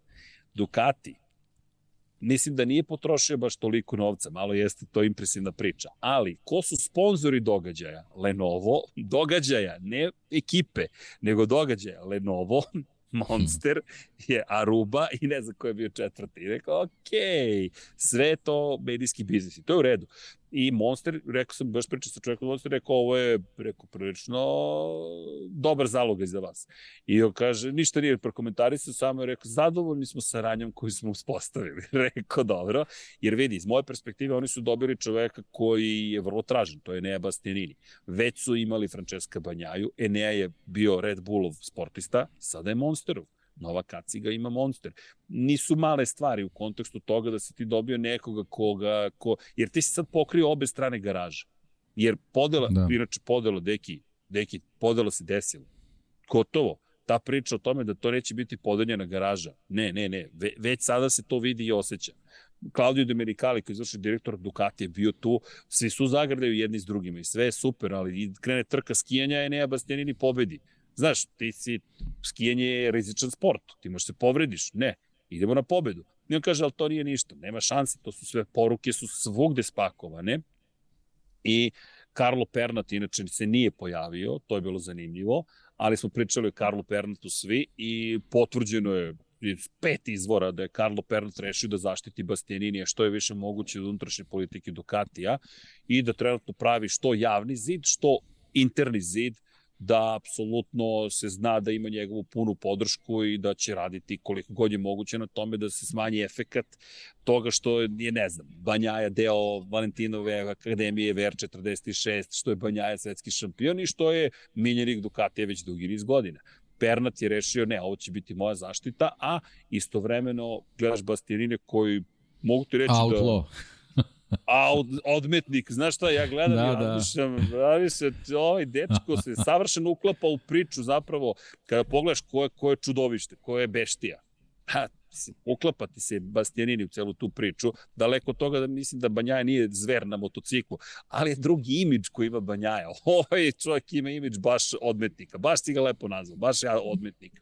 Tako da meni se dopada dinamika koja nastaje iz sebične perspektive, jer će to biti haos. to će biti haos. Ja čekam prvi, prvi moment na stazi kada će biti zajedno, da ih vidim kako će se ponašati i opet je bilo istih reči. Ja moram da se pokažem, dokažem, da postavim. Ne, nije tako, ali otprilike polako. Duga je sezona, Banjaja ponovo govori, moramo da vidimo kako će biti situacija u garaži, kakvi će biti odnosi, svako ima, imamo iste ciljeve, želje i tako dalje. Dakle, da je bilo baš zabavno. Inače, Čabati je sve organizovao. Čabati je čovjek, za one koji ne znaju, koji dolazi iz medija pre svega. Tardoci je klasičan vozač, dakle vidiš čoveka koji je srećan čim vidi motocikl otprilike i Čabati naravno da je srećan, ali vidiš Čabatija koji uživa u tom momentu glamura, slave, proslave, svega toga i Dalinja koji je zaista u jednom gospodskom maniru sve to ispratio i sa svima pričao, sede, odvojio vreme.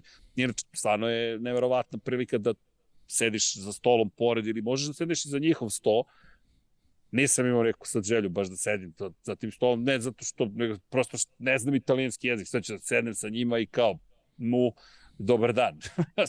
Mislim, oni su pristojni da bi pričali na engleskom, ali mi to delovalo, znaš, kao kad si negde, pa kao, ej da me vidite da sam, da sam prisutan, rekao, uživajte ljudi večeri, ja ću u moje večeri i tako, bilo je, bilo u svakom slučaju lepo videti tu mogućnost i naravno kad uspeš da prigrabiš nekog od njih, da pričaš i o drugim stvarima, e to je bilo lepo, čak su bili spremni da pričaju o stvarima koje nisu samo Moto Grand Prix, ali to neću prenositi zato što to smatram da bi bilo nepristojno. Mi smo tamo bili da bih ja sad saznao nešto privatno nekome, onda to prenosi dalje javnosti. To je, to je njihova intimna stvar koju su oni rešili da podele sa nama i neka tako i ostane. Ali baš, baš onako impresivan stav Ducatija prema, prema svemu što se događa i ono što ste lepo primetio, upliv koji smo imali ka tehnologiji koju oni pripremaju, šta rade, impresioniran sam. Ali, takođe mislim da je deo komunikacione strategije, jer ako ja sada već primam, pričam o hibridima, drugi će pričati o hibridima, svi ćemo pričati o hibridima i postaviti legitimno pitanje da li su hibridi put dalje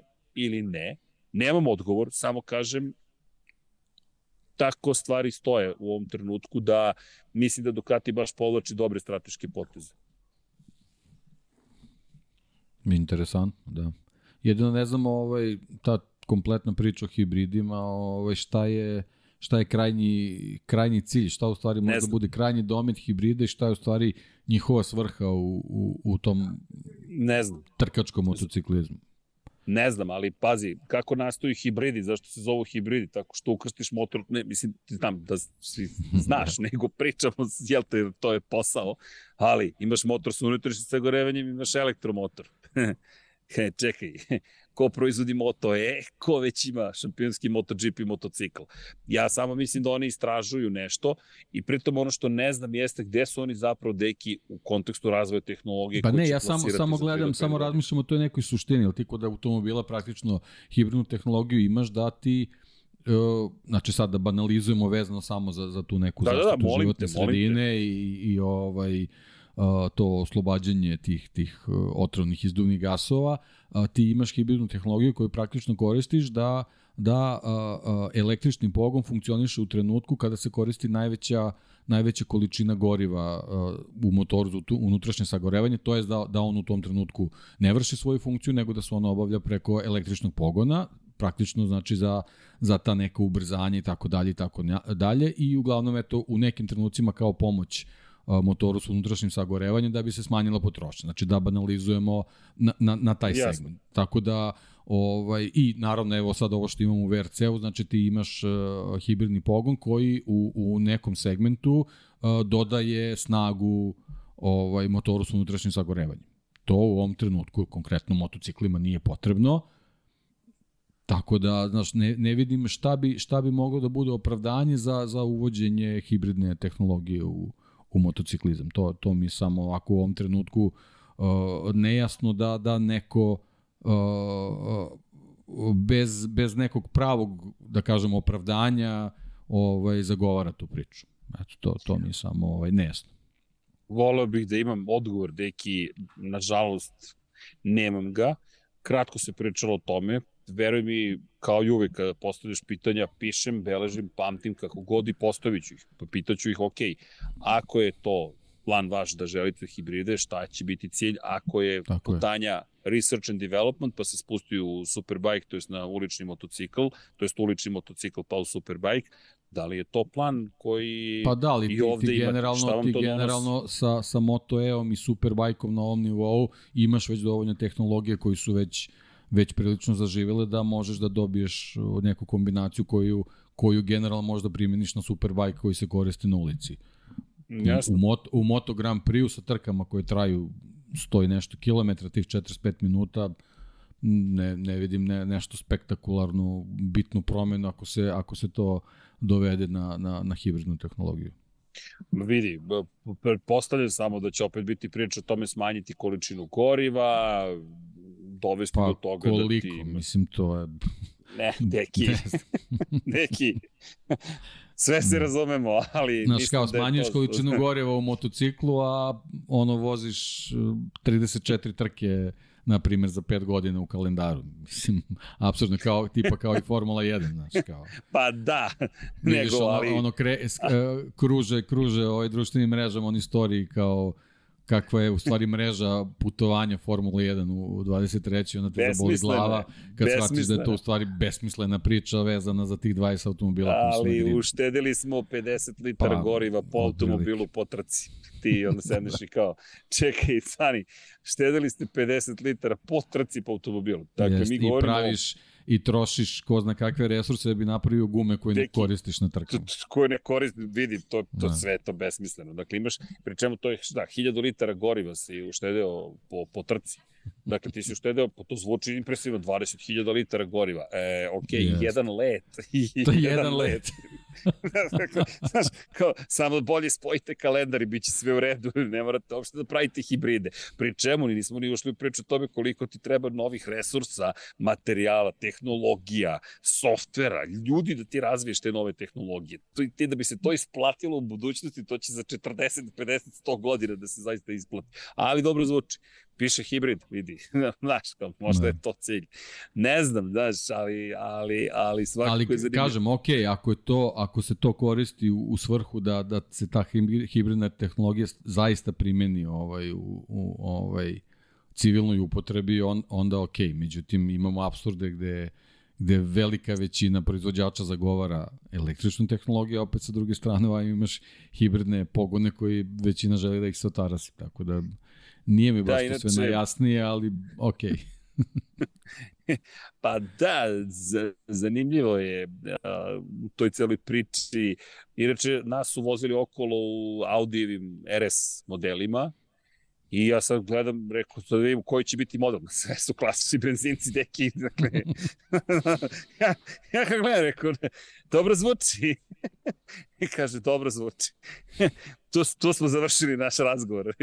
Ja ga gledam, rekao, dobro ali nema veze. Mislim, vidi sve to tako kad malo počneš da zagrebeš ja više. Vrlo specifična jedna situacija, ali dobro zvuči. Me, iz moje perspektive samo mogu da kažem da to zaista dobro zvuči. Generalno dobro, dobro prodaju sve priče, to im prolazi, tako da ne možemo mnogo da. na to da utiču. ne, ne možemo da utičemo, ali, ali eto, kažem ti, smeja sam se najče kada smo ušli, ovako gledam, rekao, dobro, on klasičan benzinac, tako, neki, nema priče nikako. Kao, nije, nije dizel, dizel je više, više zagađuje, rekao, dobro. Tako vi kažete, sve u redu.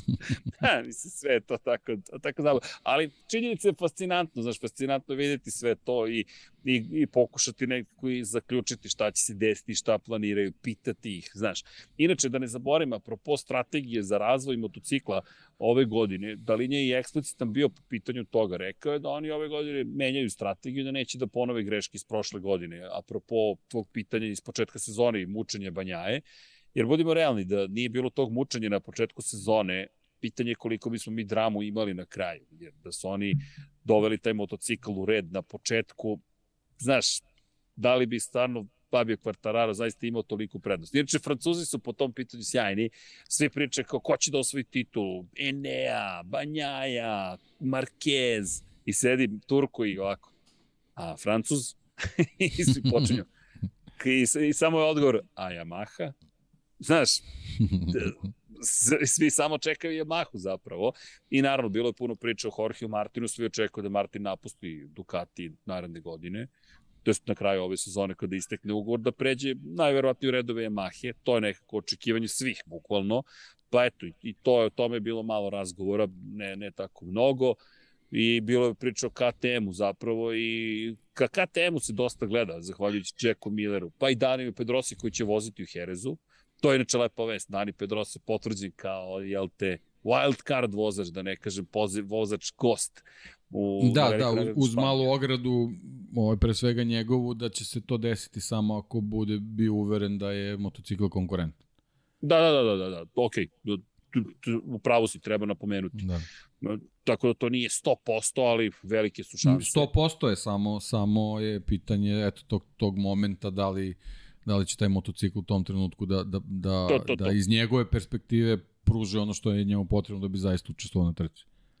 E, tako da eto, to su zako lepe vesti i da eto, da ne zaboravim, apropo Ducatija, ima ko zna šta sam zaboravio ili čega će se još setiti, ali činjenicu da su radili jedan posao koji se meni dopada, moram ti priznati, zato što sve više smo u eri, ajde da prezentujemo motocikl, ajde da prezentujemo formu i da idemo dalje ne, možda sam ja star, stanomodan, ali mislim da je to prava prilika zaista da se odgovori na neka pitanja, da se sa medijima malo drugačije priča, jer evo, kad smo imali izložbu prošle godine, baš si ti komentarisao tu mogućnost Cveletovo da uđe u garažu Formula 1 da vidi rasklopljen menjač. Ne tržim ja da Ducati rasklopi menjač, ali sam zahvalan što nam je dao priliku da tako blizu priđemo tim motociklima i da ih vidimo da osetimo tu atmosferu, da pričamo sa vozačima, da ne bude sve na nivou, imate svoja tri minuta i ajmo, pap, gotovo, čao. Znaš, da, nego, sve, se, sve se svelo na to i ovo je u stvari dobro osveženje. E sad, jedino, jedino je pitanje da li je ovo bila proslava duple krune i da li će se ovo ponoviti sledeće godine ako do toga ne dođe. ne tako znamo, ne tako. znamo. Ali da li je ovo početak lepe da tradicije ili je one-off da, event? Da, da. Vidi, da. kažete, meni miriše na, da citiram naše drage kolege iz, iz pre svega iz Engleske, mada jedan škotlanđan je bio tu, this is formula money. Meni miriše zaista na to da, će, da ćemo sve više pričati o Audiju i Ducatiju, ali dobro.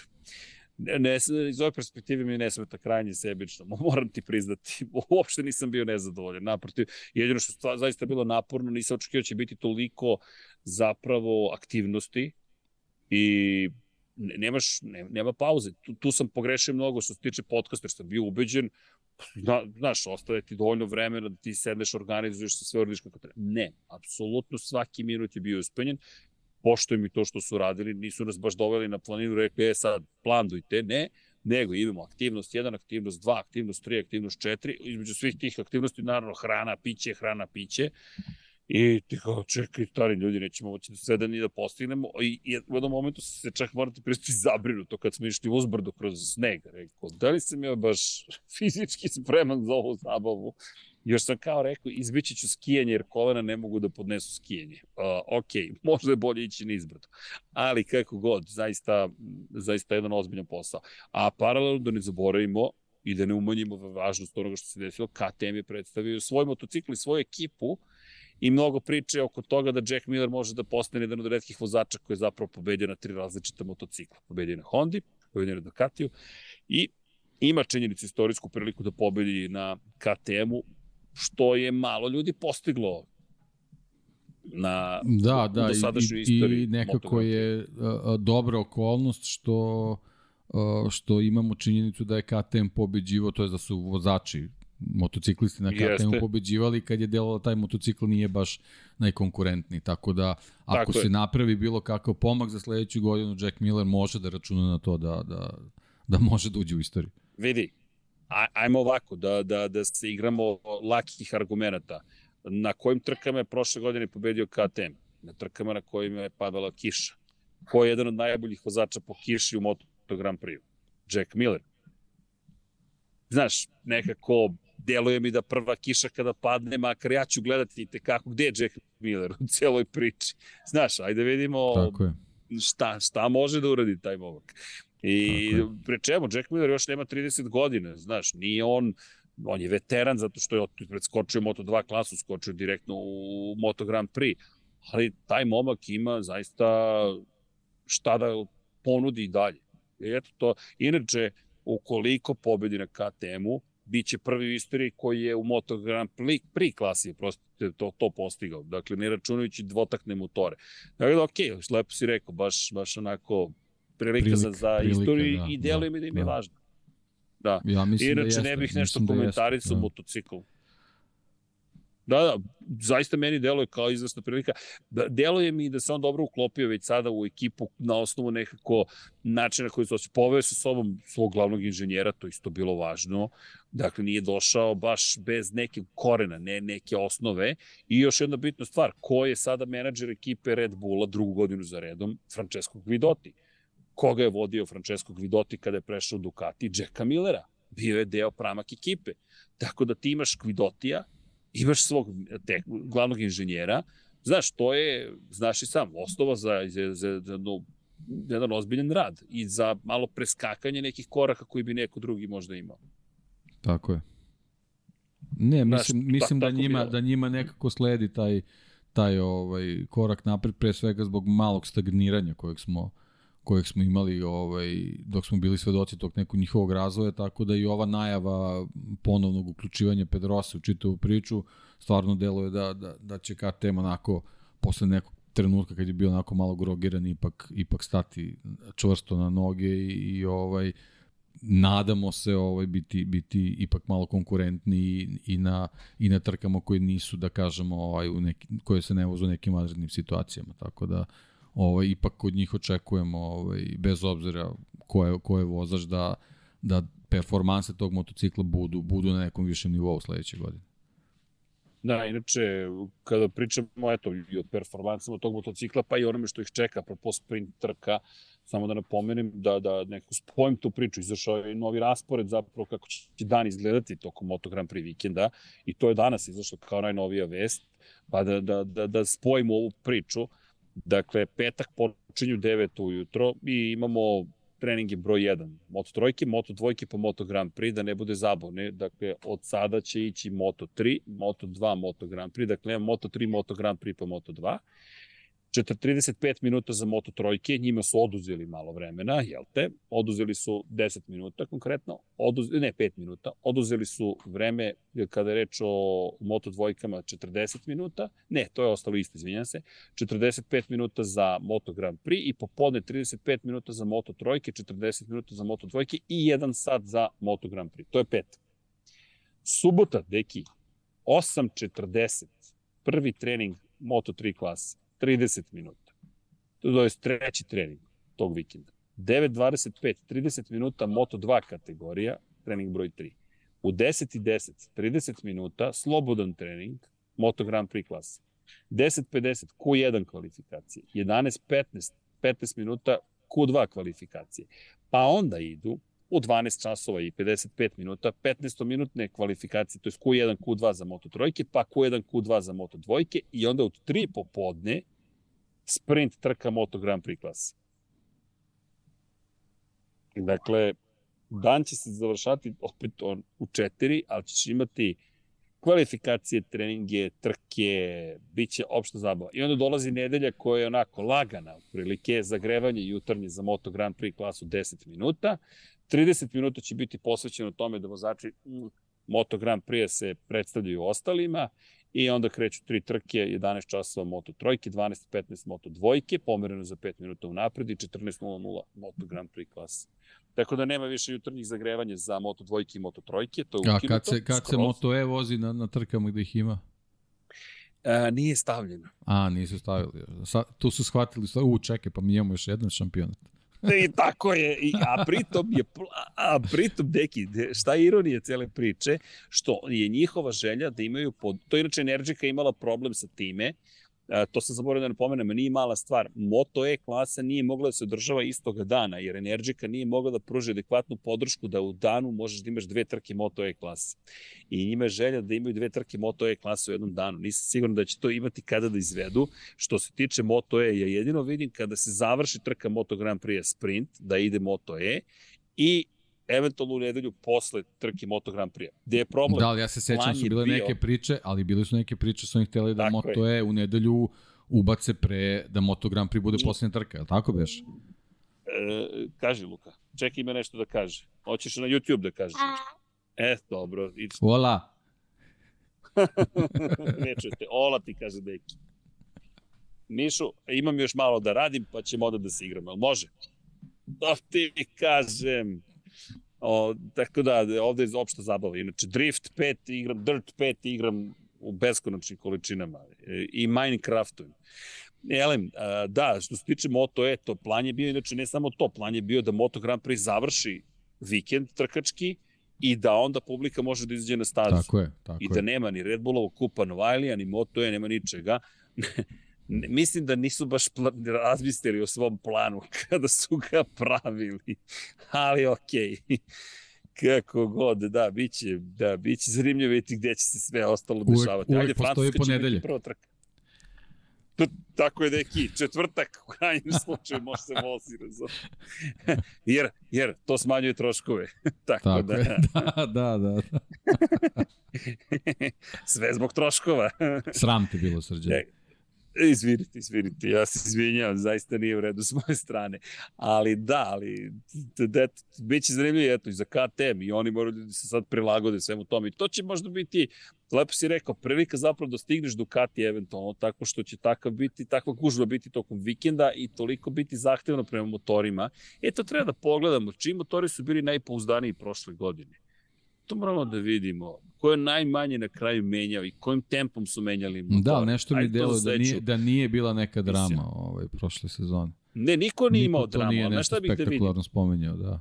Ali bih video ko je prvi zapravo ostajao bez motora i ko je najviše na kraju potrebio i kojim redosledom su zapravo ubacivani motori. Ko je na kojoj trci mora da koristi koji motor, to ćemo da vidimo.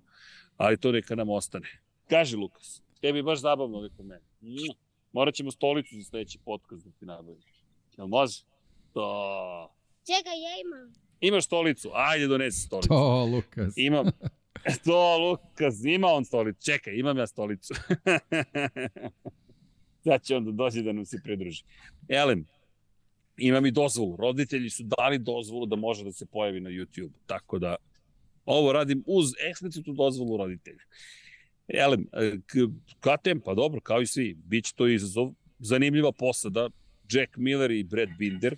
I iskusna pre Binder, svega. Za sada, da, da, to, to, to je sad već iskusna ekipa. To sad ne možemo da pričamo o tome da, da je to tim koji tek treba da stekne neko, neka iskustva.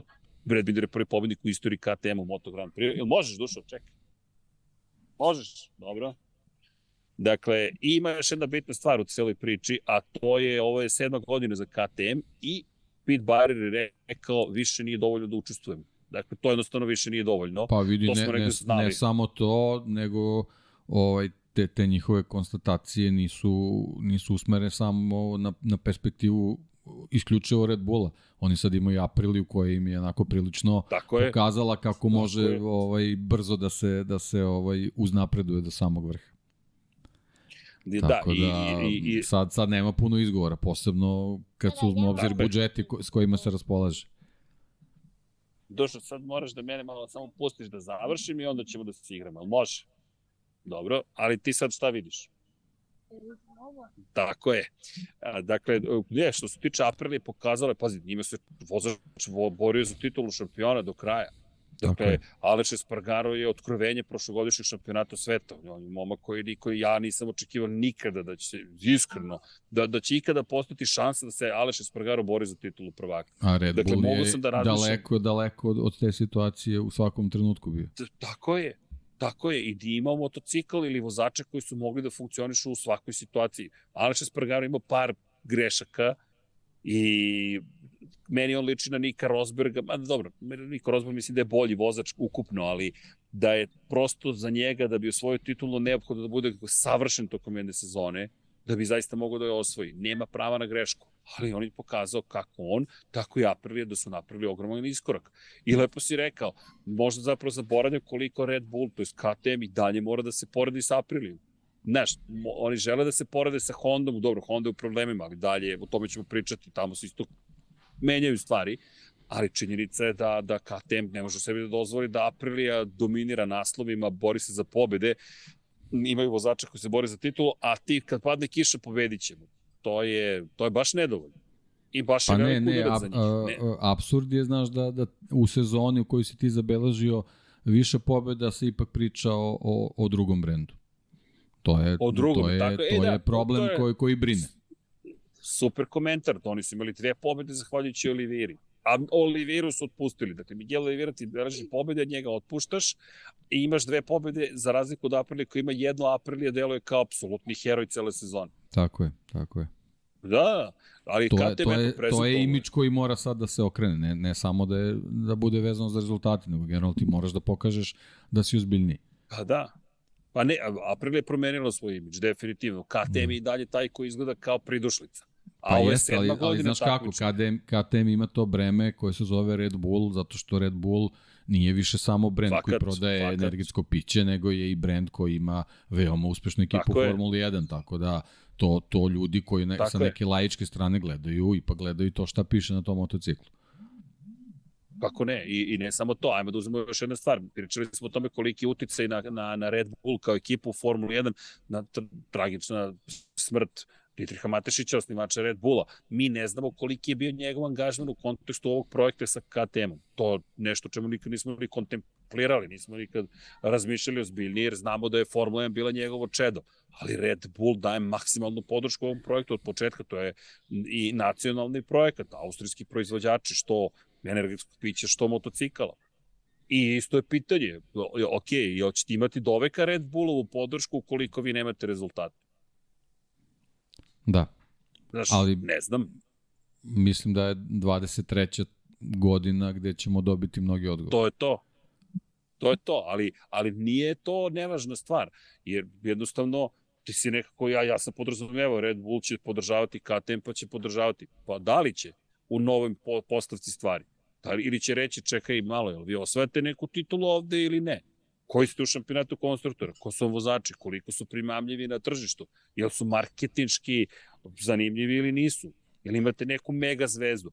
Uz dužno poštovanje prema Binderu i prema Milleru. Miller je veća zvezda, ali Znaš, nije to mega zvezda, nisi ti dove Marka Markeza, pa sad kažeš, e, ok, ajmo da pričamo sada o tome ko je, ko je deo naše ekipe. I oni moraju da se pomeri. Lepo si rekao, super ti poređenje. Svaka čast. Jednostavno, znaš, Red Bull sa Maxom Verstappenom, Serhijom Perezom, tamo izgleda kao milion dolara, što kažu. Ovde izgleda kao da još uvek se bore za svoje mesto pod suncem. Tako da jeste velika godina. Po konačno, deki, i to što Danija Pedrosu pozivaju da se trka, i to je signal. da su spremni da te kako se pozabave ozbiljnije svojim projektom. Ozbiljniji. Pa dobro, da, ali mislim da, da je, da je stvar, stvar u tome da, ovaj, da je taj čovek uh, vrlo doprinao onoj situaciji od, od pre dve sezone, sad već ovaj, gde smo videli taj, taj uzlet uh, Jeste. ovaj, ekipe i generalno to što će on da, da procenjuje da li će motocikl da bude konkurentan uh, za tu wild, wild card trku, to se neće desiti preko noći, on će sigurno biti involviran u, u neki razvoj tog u motocikla dobit će neku, je. tako i dobit će neku priliku da ga, da ga pre, te, pre te trke prilično isproba da bi, da bi bio ovaj, siguran da će moći nastupa. A svaka njegova proba znam šta, znamo šta znači. Mislim, to je, to je ne, neprocenjiva baza informacija koju će on njima isporučiti čim siđe s motocikla. Tako da mislim da je njegov povratak nije nije samo onako jedan sitan detalj, nego da mislim da je da je mnogo bitan u, u, u slaganju tog tog mozaika za za 23. i i naravno dovođenje praktično dvojice ljudi iz, iz Ducatija gde, gde, gde se dobija još jedan know-how vezan za, za samu pripremu motocikla za trku. Mm, da, Dani Pedrosa kao, kao, kao Joker praktično, kao Kvisko, ali da, vidiš, sad isto kad vrtim film, nisam razmišljao dublje, ovo sve što si rekao, ti jednostavno sa Danim ti imaš multiplikator količine informacije koje dobiješ i konačno, to je čovek koji je mnogo puta pobedio u karijeri. I on je legenda Moto Grand Prix-a, četrostruki šampion sveta u nižim kategorijama, ne može da se poredi ni Brad Binder sa njim, ne može ni Jack Miller i njegovo mišljenje bit će kako važno. I meni je sentimentalnih razloga lepo što ga tu vidimo. Inače, koliko sam video kada pričamo o testiranjima, Rossi je bio u Portimao na MotoGP, ako sam dobro razumeo celu poruku. U Portimao na, moto, u Portimao na Superbajku? Da. A je bio na Superbajku ili je bio na MotoGP-u? Jer koliko sam video, ako sam dobro razumeo, ne, bio je na Superbajku, na Superbajku. Na Superbajku, da. Jer neko je nešto, spominjao mi Moto Grand Prix, rekao, nemam pojma, ali ono što sam, što, što, što sam video, to je čuo, jeste bilo da će se povremeno pojavljivati negde kao podrška akademije, ali no, Moto Grand Prix bi baš bi me iznenadio. Dakle, ok, Superbike, ok. To ima smisla.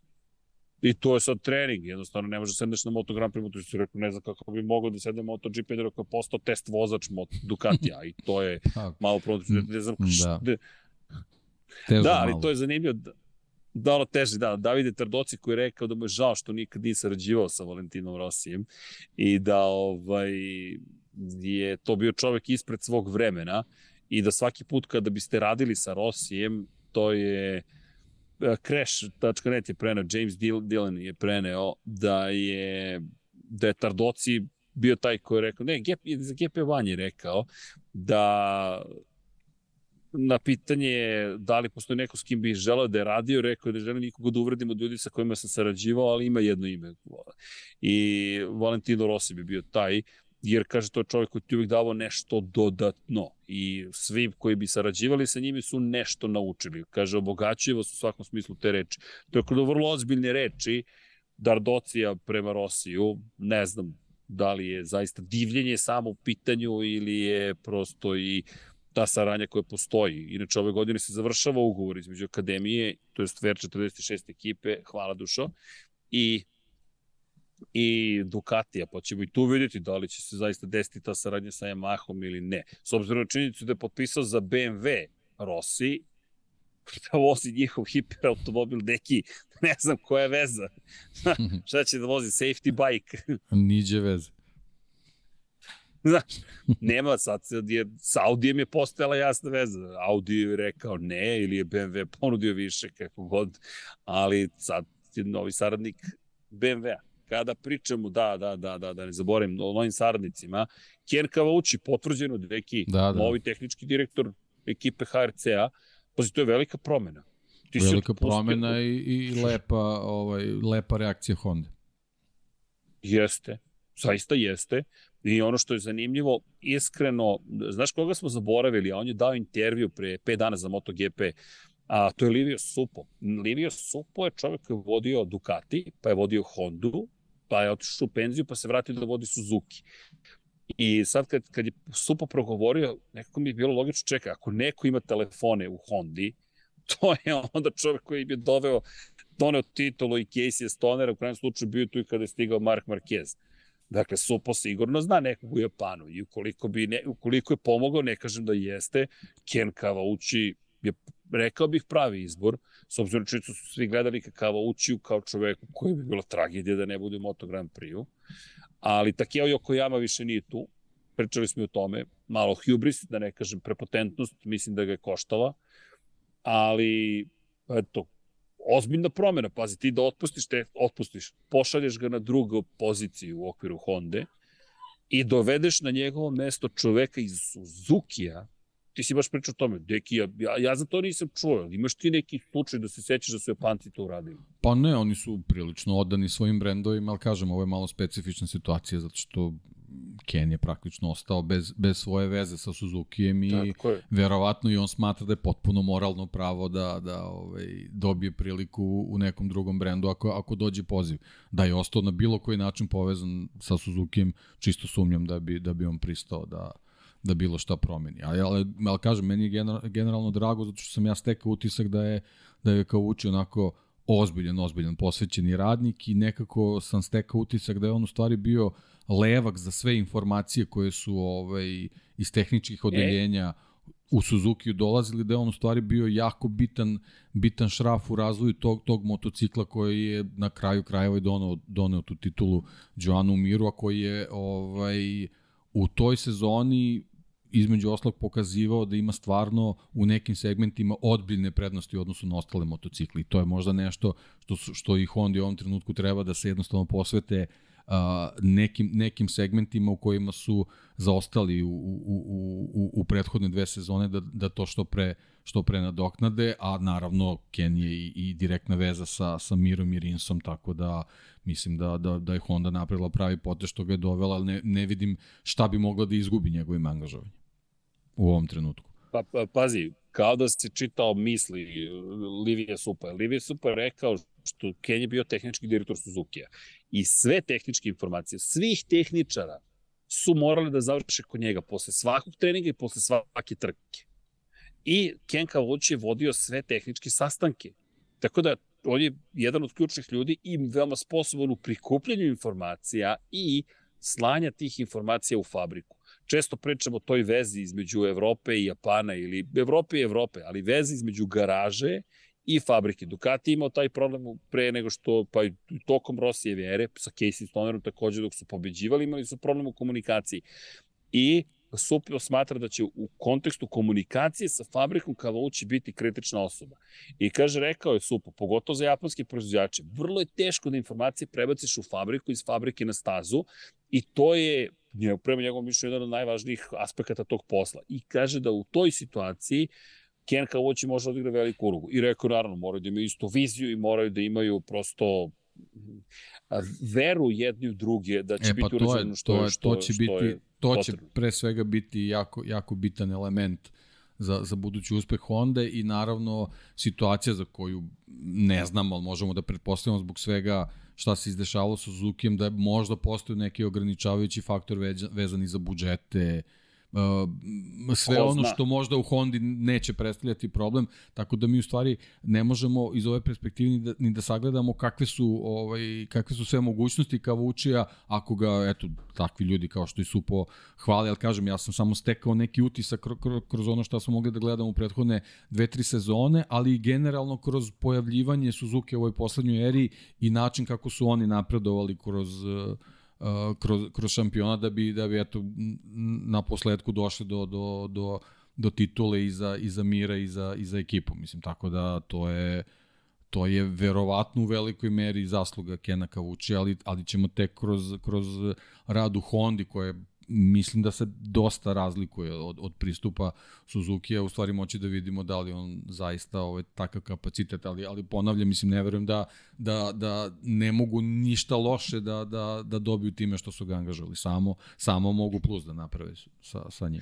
Pa, Pa to je zanimljivo, kada je Supo je rekao, mislim da posao Kavući neće biti, biti da napravi novi motocikl, već kao ono što tako je radio u Suzuki-u, a, a to je da pomogne svima da se kreću u istom smeru. I super rekao, isti smer i pravi smer nisu isto. Ali, ali znaš šta, ali znaš šta, meni se... to što je, što je on rekao, mi deluje da je tu možda i bilo nekih trzavica u, u samoj Hondi, uh, generalno vezano za razvoj da, ove to... poslednje generacije motocikla. Pa, ja ne bi da. on to izgovorio samo kao pretpostavku, nego moguće da se, da se i, i, i tu nešto dešavalo i da se to upravo to što si rekao ovaj, vezano za Yokoyama, verovatno i tu došlo do nekih ovaj, prekida na vezama koji su možda uh, uh, uzročeni time što Mark Marquez nije bio uh, prisutan da, da, zauzda, da zauzda sve što treba to je ono čuveno Steve Kera kada su pitali kao zašto ste vi tako dobra ekipa Chicago Bullsi? I on ovako razmišlja, zato što imamo Michaela. I to je to, imaš Michaela Jordana otprilike. Naravno, nije to jedino što je potrebno, ali mislim da je Yokoyama učestvovao u eri u kojoj motocikl nije morao da bude najbolji. Imao se čovek koji u tom trenutku najbolji na svetu i koji je mogao da nadoknadi nedostatke tog motocikla. Kada je on nestao sa scene, videlo se koliko zapravo taj tim nije funkcionalan, da disfunkcionalna organizacija Honda i da se ostanje predugo na taj jedan van serijski talent. Ko zna koliko dugo, mi nemamo predstavu zapravo koliko to traje. Ali ovoga puta... Pa ne, vidi, ti... ne možemo, ne možemo ni da znamo, ali oni su pre Markeza imali stonera. Tako, imali su Casey-a koji takođe je van serijski talent. Tako je. Znaš, a pri čemu su ti slabiji vozači bili Dani Pedrosa i Andrea Dovicioza. Tako je. Tako je da u stvari to je manjkavosti, manjkavosti u organizacijnoj strukturi možda nismo mogli da vidimo. Jel su oni, oni Ko zna? On, I zato što je, to su možda bili neki sitni detalji koji su u stvari vozači ovaj dopunjavali svojim svojim rezultatima koji uopšte tako možda je. nisu nisu ovaj rezultat rada ekipe nego, nego njihovog tako, talenta. Tako je. Tako je. Tako je, ti Tako u stvari nisi, nisi, imao, nisi imao druge vozače na osnovu kojih bi u stvari video prave performanse, zato što su i ti, ti drugi vozači Tako bili van serijski. Da, pa i čak i pre toga ti imaš čoveka koji je svetski šampion, imaš Nikija Hejdena, tako pre Nikija Hejdena imaš Valentina Rosija, aman, dakle ti, ko, kad je Honda imala zaista loših vozača u svojim redom, da pre kažeš, toga si imao Duana. A čak i tada, Duana si imao, pre toga Aleksa koji ti je, koji ti je razvio RCV. ne, pazi, imao si Duana koji, koji ti razvio RCV. Duana, A on ti, on ti razvio da je tako RCV se razvija Koje, u njegovo vreme. Kojeg je kasnije usavršio Casey Stoner. Tako je. I ti sad imaš situaciju gde i onda ti dolazi Mark Marquez. Mark Marquez kao, koji sve to digne na, na viši nivo. Na neki viši nivo. Da. I sad ti šta, zaista znaš šta se zbiva u Hondi. Pa izgleda da, da se nije znalo, ali ti, ti sad imaš situaciju u kojoj nešto mora da se menja. Zašto? Moje mišljenje, Ducati, da se vratim na početak.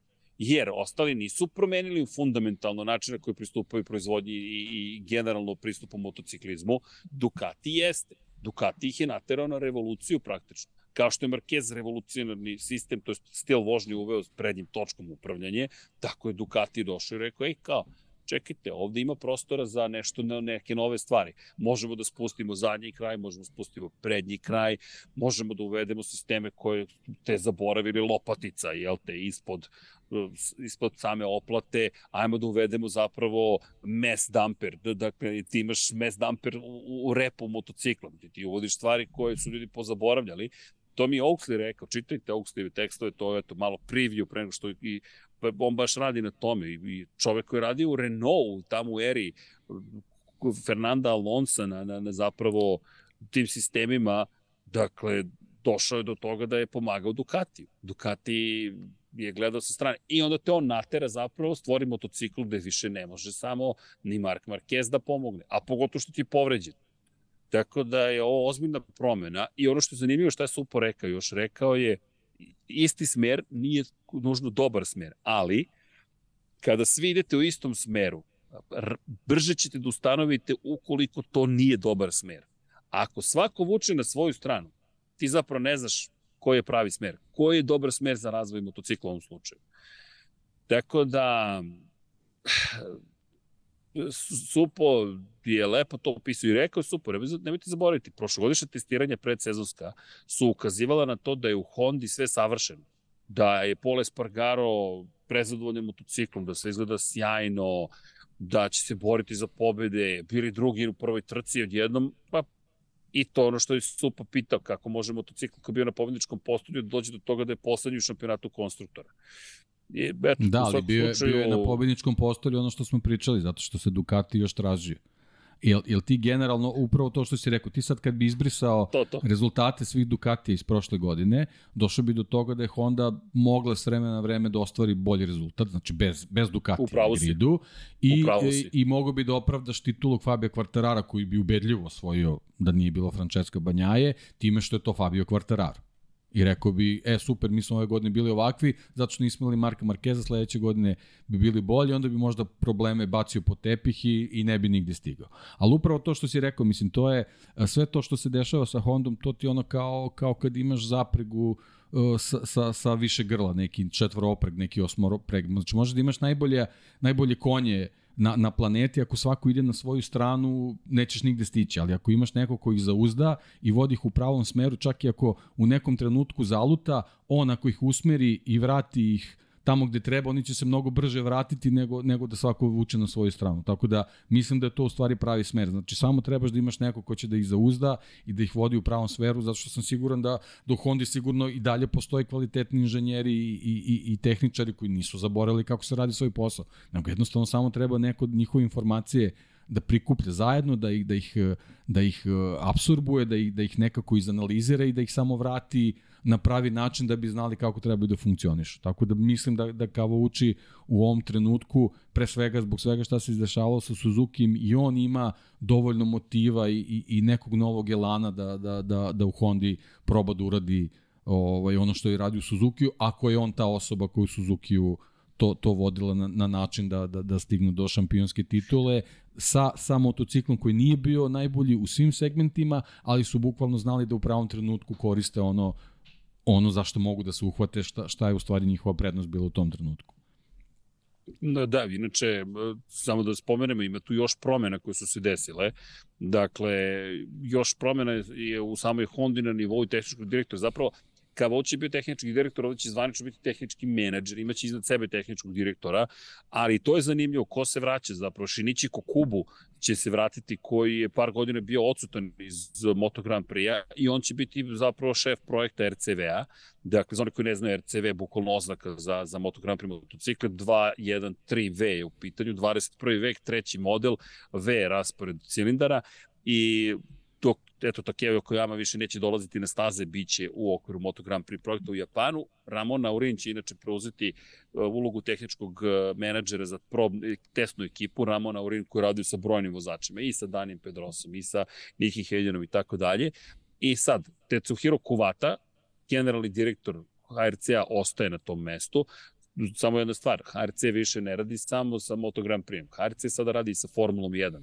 Tako da ima tu ma, dosta priča koje nisu samo Moto Grand Prix. Predsednik ostaje Shinja Wakabayashi, Wakabayashi i Kokubu će preuzeti eto Moto Grand Prix projekat. I on će biti šef Kenu Kavaučiju i, i na njega se osvrnuo Livio Supo je rekao je, nemojte zaboraviti da je Kukubu bio čovek koji je, koji je dokazao da može da napravi dobar motocikl. Rekao je, bio je u istoj poziciji kada sam ja tamo bio 2012. kada smo prešli na motore od 1000 kubika i prema njegovom mišljenju, mišljenju stvorio taj prvi motocikl koji je bio dobar. A imao je Casey, imao je Danija, Karl Crutchlow je bio takođe posle na tom motociklu i tako. Tako da eto, vraća se čovek koji je zapravo stvorio prvu verziju ove hiljadarke na čelo RCV projekt, to što mi govori opet koliko je Honda ozbiljna za ovu sezonu i nemojmo zaboraviti Mark Marquez koji ima film super, što dokumentarac, što način na koji vežba i oporavlja se, deki izgleda zaista kao Terminator. Dakle, kao da ispod onog ošiljka je zapravo neki metalni čovek koji će Nešto sada bionički, da ne znam šta da, radi. Da, da, da. da, da, baš je bionički čovek. Ali okej. Okay. Dakle, biće da kažemo... Ne, njegovo, njegovo telo je stvarno dokaz da, da je ozbiljno radio u, u, ovoj, u ovoj pauzi, o, tako da... Ona ruka do potpuno drugačije izgleda. Ti gledaš mišiće koji, ne znam da li ikada bio jači fizički. Dobro, neki dodatni motiv. E, inače, znaš ko se još raduje dolasku Kena Kavućija? Marquez, nisam vidio da se oglasio, ali Alex Rins koji je radio sa Kenom Kavućim, verujem da će John Mir biti sreći što je Ken Kavući tu. I zanimljivo za Kavućija šta je rekao, Livio Supo rekao da je to vrlo čovek koji je saosećajan i da smatra da je empatija veoma važna u njegovoj ulozi koju će imati u HRC-u i da veruje da će to i tekako pomoći. I delo je kao neko ko je zaista emotivan, a možda će to negde i smanjiti strahove Rinsa koji, koji je rekao, pošto je vozač Lučić i Racing, da možda Honda mu neće davati sve delove koji će imati fabrički vozači. Pa eto, kada pa, imaš prijatelja u pa dobro, Kjera ali, Kavuće, možda jest, ali manje mislim, brineš. nisam siguran koliko će to promeniti prirodu Honda, ali ajde vidjet ćemo. Da, prirodu Honda je teško i pitanje koliko možeš da proizvedeš čega u kom vremenskom periodu. To, može, to čak Honda, nije ni izgovor. Honda može, nije problem. Misliš, može? Mislim da da. Yamaha ne može. Ovo je druga priča. Da, da, da, ne, ne, da, ali Honda mislim da i mora da se vrati. I ono što mene zanima jeste Hondin odgovor. Nekada davno, pa i ne tako davno, pred 20 godina, ponos Hondin je doveo do toga da stvore dvocilindrični motor, da, da, da pravi motor kojim je teksaški tornado Colin Edwards zapravo osvajao titule, samo da, da pokažu Ducatiju, e, mi možemo da napravimo isto dvocilindrični. Ajmo Honda da kažeš, e, možemo mi da napravimo isto jak motocikl. Tako su odgovorili KTM. Pa samo, samo pogledaš vozačku postavu, sve ti jasno. Da, mislim da su rešili da, da, da, da, da budu malo zbiljnije ove sezone. Ali da, Suzuki ali dobro. mi je pomogao, ali dobro. Ajde, vidjet ćemo. Da, da, da, na jedan specifičan način, da, da to tako kažem. Da, ali to, to su neke najvažnije vesti. Ima tu još vesti koje su se dešavale. Da ne zaboravimo da su predstavili ekipu i u Pramaku, Pramak koji je zadržao Joana Zarka i Jorgea Martina, ali nekako mislim da je fokus prešao sa ne Pramaka mi se dizajn ovog tim. motocikla, moram da kažem, ali dobro. Moje da, kako ti izgleda? Pa ne znam, nekako... Neću da ne, koristim termine. Ne, meni nedefinisan. Da. Ajde, meni ajde, nedefinisan. Bravo, nedefinisano, bravo, da. A, reci. ne, ne, prošlogodišnji je bio mnogo, mnogo, mnogo lepši, ovaj, ne, ne, baš nikako. Meni je prenatrpan, iskreno. Ova kombinacija boja, te crveno, te ljubičasto, da. te prima, te pramak, te različiti fontovi, pa boje su plave, pa boje su crvene, pa šarene kacige, pa baš mi izgleda onako šaren. Ajde tako da se izrazim, možda je to Ne, trebalo da deluje, trebalo da deluje ozbiljnije, a u stvari su došli do neke meni onako potpuno pa, nedefinisane verzije. Iskreno, ja ti kažem, meni deluje kao da je ovo sada malo ekipa koja ide u zapećak. Dakle, morat će da se potrude rezultatima mnogo više da pokažu, jer ne deluje mi kao tim koji, koji je toliko sad, uslovno rečeno, ravnopravan kao što je bio. Meni deluje prosto da se jasno vidi promena u odnosu snaga. Šampion je u fabričkom timu, Enea Bastiri, kada najvećih zvezda je stigao u šampionski tim, Madonna di Campillo, Ludilo, brojevi 1 i tako dalje, i onda Pramak koji djeluje kao da se sada pomerio tamo da je, ne znam, na primjer, Lučić i Kinal Racing u odnosu sa Hondom. Malo ispod. Jer, ne zaboravimo, prošle godine su oni imali fabričke modele odmah od početka sezone. Tako da, mi dalje, bit će mi zanimljivo da pratimo Gresini još uz vrlo verovatno nezadovoljstvo Martina, jedna ozbiljna sezona, ozbiljan izazov, rekao bih, za Gresini. Ne za Gresini, a kad već spominjem Gresini, da, da ne zaboravimo i to, i Gresini je predstavio svoj model, pa, ne da. izgleda tako loše. Pa okay. da, ali i to mi je nekako onako, ne znam, nije. E, ne, nešto, meni se sad se kao koketira je... s tom crvenom bojom, ni, pa, nisu, to, nisu mi, nisu mi ostavili utisak ni, ni Pramak, ni, ni Gresini sa ovim kombinacijama, iskreno. Mislio sam ono, Isto stvarno sam od Pramaka su... očekivao da će malo, malo tu da, da, da nekako, bar, bar tom pojavom da budu nekako agresivniji, ali kažem, eto, delo, ono, išli su na to da budu kao ozbiljnije, u stvari dobili su neku, neku drugačiju verziju izgleda? prošlogodišnjeg, a opet Gresini je hteo da li, da li da su ozbilji i one s tom nekom crvenom bojom i ne znam, nekako su i, po meni isto zalutali malo, ne znam. Moj, moj samo Znaš kako meni izgleda Gre, Gresini? Kao da Sad ne znam da li je novac bio umešan u pregovore, ali kada je neko u Ducatiju shvatio, čekaj, ne vidi se da je ovo Ducati dovoljno jasno. Znaš, ovi da, pobeđuju, da, da, da. Ali, ali se ne vidi baš Ducati. Ovako ćemo biti sigurni kad prođu kroz cilj škljocne kamera, piše Ducati na, bukvalno na kvadricepsima piše Ducati, jasnim slovima i piše naravno na oplati. Tako da ko zna, možda motori manje koštaju, ne znam. Dobro, da, ali dobro, ali, ali nisu, nisu te boje toliko bitne, ali eto čisto, čisto taj neki utisak. Pa da, a inače Alex Marquez, da ne zaboravimo, stigao u ekipu, tako da Gresini ima svog novog vozača koji menja Neo Bastininija, poprilično velike cipele mora da popuni, pa i vidjet ćemo, vidjet ćemo kako će to sve da izgleda. Tako je. Ali ok, ok, lepo počela ta sezona prezentacija, lepo je bilo vidjeti Nadiju Padovani, malo drugačije prezentacije nego prošle godine, to je i dalje Fabio Di Antonio, to smo pričali smo o njima, prosto to se desilo pre 11 dana, ali nismo, najavljivali smo, nismo eto stigli prošle nedelje da, da popričamo o tome. O, ok, prisutni su, to je ono što je najvažnije.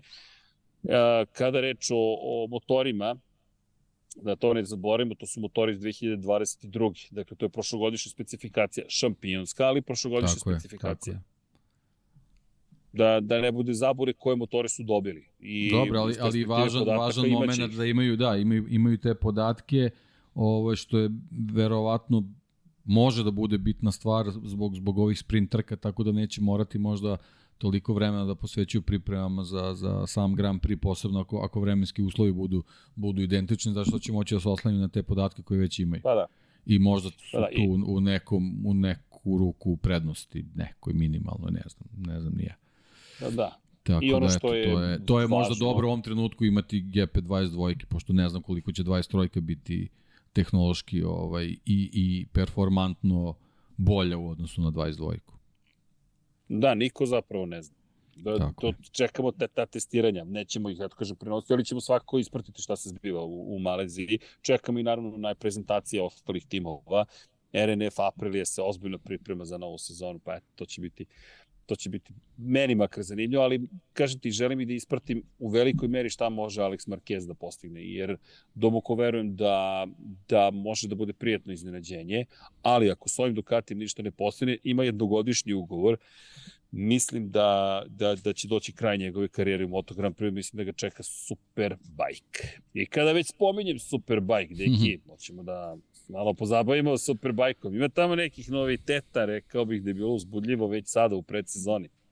Pa da, ali oni, oni nekako ovaj, iz godine u godinu već na tim testiranjima ovaj, umeju da da podgreju atmosferu pred pred početak sezone tako da vidim da je ono koliko sam koliko sam ispratio i Jerez i Portimao ovaj stvarno je bilo onako prilično kako bih rekao, neizvesno bez obzira što su to samo, tam, samo testiranje, kao da je svakome bilo jako bitno da, da svaki ovaj dan testiranja završi na, na prvoj poziciji što se tiče rezultata, tako da deluje mi kao da je, da je borba već počela što se tiče Ducatija i Kawasakija i Yamahe i nekako mi BMW ponovo tu za, zaostaje, vidim da je Redding onako bio prilično nezadovoljan tom čitom situacijom, ali ali ovi na vrhu, pre svega fabričke ekipe Ducatija i, i Bautista i, i ovaj, Rinaldi, i sa druge strane Rea u Kawasakiju i Toprak u, u Yamahi, ovaj, stvarno su se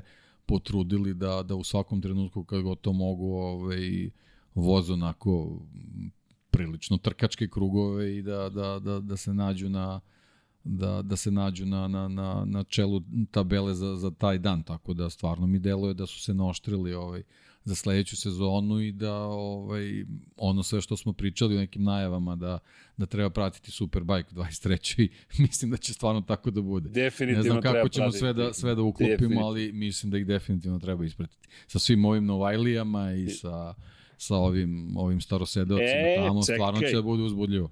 Zaista ali pazi ovako, ajmo da, da, samo, da, samo, samo ukratko. Ducati, Honda, Kawasaki, Yamaha, BMW. Pet proizvođača imamo i ovde. Kao što imamo pet proizvođača u Moto Grand Prix. Ducati, Yamaha, Honda, KTM i Aprilia. Dakle, ovde nemamo Apriliju, ovde nemamo, ovde imamo Kawasaki, nemamo Suzuki ni ovde, ni tamo.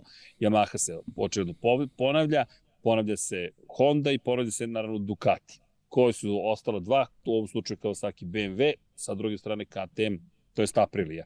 E sad, kada pogledamo koje su bitke, isto je bila bitka između zanimljivo Ducatija i Yamaha. Yamaha je osvojila obe titule 2021. i u Superbajku i u Moto Grand Prix, u Superbajku sa Toprakom Oglom, a u Moto Grand Prix sa Fabio Quartararom. Izgubljeni su obe titule. Ovde, ajde, vidjet ćemo, četiri ekipe ima Yamaha, tako da nije Yamaha ovde baš kao što je nekako u Moto Grand Prix. Toprak je ostao tu, Andrea Locatelli, njegov klubski kolega u fabričkom timu, čisto da, da, da, da, da, da i to postavimo figure. Alvaro Bautista i, Michael, i čak i italijani zovu da. Michael Ruben Rinaldi, Dakle, u fabričkom timu ima zanimljivih momenta i kada je reč o privatnicima, ali ono što bih ja napomenuo jeste, jeste tim koji se meni dopada, a to je Dominik Egerter, kao šampion i Moto E i Supersporta, zajedno sa Remijem Gardnerom u GRT Yamaha šampion, u timu. Očigledno da. biće na jedinicama i kada pogledaš prve testove, Alvaro Bautista inače bio prvi, da se razumemo. Drugi, čudna mi čuda, Jonathan Rea. Pričamo za Portimao. Za Portimao, tako je. Da. Za Portimao. A Rinaldi je bio treći, iako je Rinaldi odmah rekao, ljudi, trke su nešto drugo, ali opet, Toprak je bio relativno blizu, zatim Andrea Locateri, e, Iker Lekona i Čavi Vierhe, šesti i sedmi, i onda Remy Gardner na Yamahi. To Remy, neko, neću reći da navijam, ali mi je drago da vidim da Remy Gardner pokazuje odmah na početku koliko je zapravo brz vozač. To što su pričali, ovaj šampionat mi deluje da će njemu odgovarati. Ono što je problem je što, apropo problem što Scott Redding koji treba se boriti za titulu, možda čak i 14. tek bio, što kažeš BMW, BMW se muči u oba da. dana. Ducati izgledao sjajno, Kawasaki isto izgledao sjajno. Opet Bautista Rea i razgatli oglu malo nedostaje, nisu baš bili idealni rezultati, ali verujem da će to srediti. Dobro, mala zadrška za Remija, znamo da njemu Portimao baš, baš odgovara, tako da ovaj, verovatno to jest, bicikl, to bicikl jest. tamo kad bi vozio bio bi, bio bi deseti na, u poredku Superbike, tako da, da, da, da, čekamo ga na drugoj stazi. Jeste, ali nema jeste. veze, super je, super je, zato što neki. on tamo stvarno ovaj, se super uklopi, znači imao je Jerez da, da, se, da se navikne na motociklu, Portimao je to isporučio šta je, šta je mogu da isporuči, naravno jako je teško protiv ovih aždaja koji su već dugo tu da, da, da ti odmah isplivaš u prvi plan, ali ovaj, eto, ako, ako to, ta pozicija na, na tim testovima pokazuje da, da može da bude tu i da je to samo početak, svaka čast. Nadam se da, da, da, da će nastaviti tako, samo pa, kažem. Eto, znamo, znamo da je Portimao njegova staza, pa eto, malo, malo samo zadrške tu. Da, Portimao, pravo si, to mi neko pobego, da. ali kako si progovorio, razmišljam prvo pobedu u Moto trojkama, tamo u Moto dvojkama, nezaustavljiv je, bukvalno to kad ga staviš u Portimao na bilo koji motocikl činjenica, ali opet le, lepo je. Generalno obećava šampionat kada pogledaš imena, vratio se Danilo Petrući u, u, u, u neki ozbiljni, neću reći da je neozbiljan šampionat Amerike, ali lepo je videti ga i da, ovde. Da, ne, pa ovo je ipak, ne treba... ipak više nivo ovo je šampionat sveta. Znaš, Erik Granado je napredovao, Granado da. koji je to. Nije osvojio Moto je titulu, ali na da, Hondi je dobio je drugu šansu zahvaljujući izdanjima u, u Moto je šampionatu. Jeste, Moto je. Da. E, I deli, definitivno najbrži vozač, ne. Da. Da, da, ali znaš ko bi bio savršen za, za šampionat izdržljivosti? Egerter. Egerte, ja mislim da bi u nekom super, ba, nekom šampionatu, baš ono endurance-u bio ne, nezaustavljiv. Smiješi mu se Boldor da vozi tamo, da, da. Da, da, da, da, da, definitivno. Inače, Hafiz Šarin je u, u, u Mi Racingu sad na Hondi sa Erikom Granadom. Pa i ako pogledaš Scott Redding, Michael Van der Mark, je da i pohvale ko je živeo svoju karijeru Lorenzo Baldassari Dakle, i to u GMT 94 Yamaha, Yamaha ekipi će biti. Lepo je vidjeti, Loris Baz se vratio sa brojem 76. Loris Baz sa Geretom Gerlofom je u, u, na BMW-u. I tako, dobro imena. Alex Lowe's takođe će, Filip Apple će biti tu, poznat Tom Sykes, gde da zaborim Toma Sykesa, baš će biti uzboljiv šampion. I naravno Michael van der Mark, koji mora da, i stiže nam Novajlija, nije... stiže nam Novajlija iz da? Eh, Brit, britanskog superbajka, isto je ja mislim da je e, Mahi, tako Ray. da... E, bravo, bravo. Da, Brad, da, znam da je neko slično Brad, prezime Brad, kao da. Jonathanovo, ali da, da nije Rea, Jonathanovo. Ali nije. ali nije. Da, da, da. Ove, ovaj, da tako da imamo, imamo i Jeste. njega. Ovaj, mislim da će biti jako zanimljivo. Stvarno ima puno vozača koji o. mogu da budu brzi i znaju da pobede a to je u Superbajku možda, možda i nekad, nekad i lakše, lakše ostvarati, mada imamo ovu dvojicu, trojicu stvarno, da kažemo Superbike vanzemaljaca, biće to, biće teško preskočiti njih, posebno kad vidimo koliko su oni motivisani za, za međusobnu borbu. Biće, biće jako zanimljivo. Biće više nego zanimljivo, rekao bih, ali dobro, jedno čekam jednu i drugu sezonu, moram ti priznati. Da, i, i bilo je, i, a i to je isto neki signal kada pogledaš da Ducati prezentuje i Superbike šampionat i MotoGP šampionat u isto vreme, na isto mesto. I da je ispoštovao šampione obe kategorije Jedino se Bautista žalio, ja koliko sam morao da vozim do, od Bergama do, do Madone di Campina, mi ga svi mhm. gledamo, stvarno, a mi smo došli helikopterom, šta? to je bio jedini kod. A, ali nije dalek put, nego ideš kroz planine, ali ne znam, možda ne voli planinske predele Alvaro, kako god bio je raspoložen kada je video motocikl. Pa i očigledno je raspoložen. I on je oživio svoju karijeru u Superbike. Šampion sveta, nije malo. Tako. Deki, jel smo još nešto imali da, da ne zaboravim. Pa ako smo zaboravili, godine. imamo sledeću, sledeća sreda. Imamo sledeću nedelju, da. utorak, da, ne znam šta je, kako ste odlučili, da, da. Da, to, to, pa to da. sad treba da vidimo kako sve te da, da, da, da, da iskombinujemo. Da, pa preliminarni izbori pa ankete ja. govore ponedeljak, što se tiče Da, da, ponedeljak. Da. Na vama ja bih da pomerio i Moto Grand Prix na utorak. Ne možeš da izbjegneš ligu šampiona futbolsku. Šta da ti radi, Deki? Šta da se Halo. radi? Halo? Halo? samo, nastupila je samo tišina.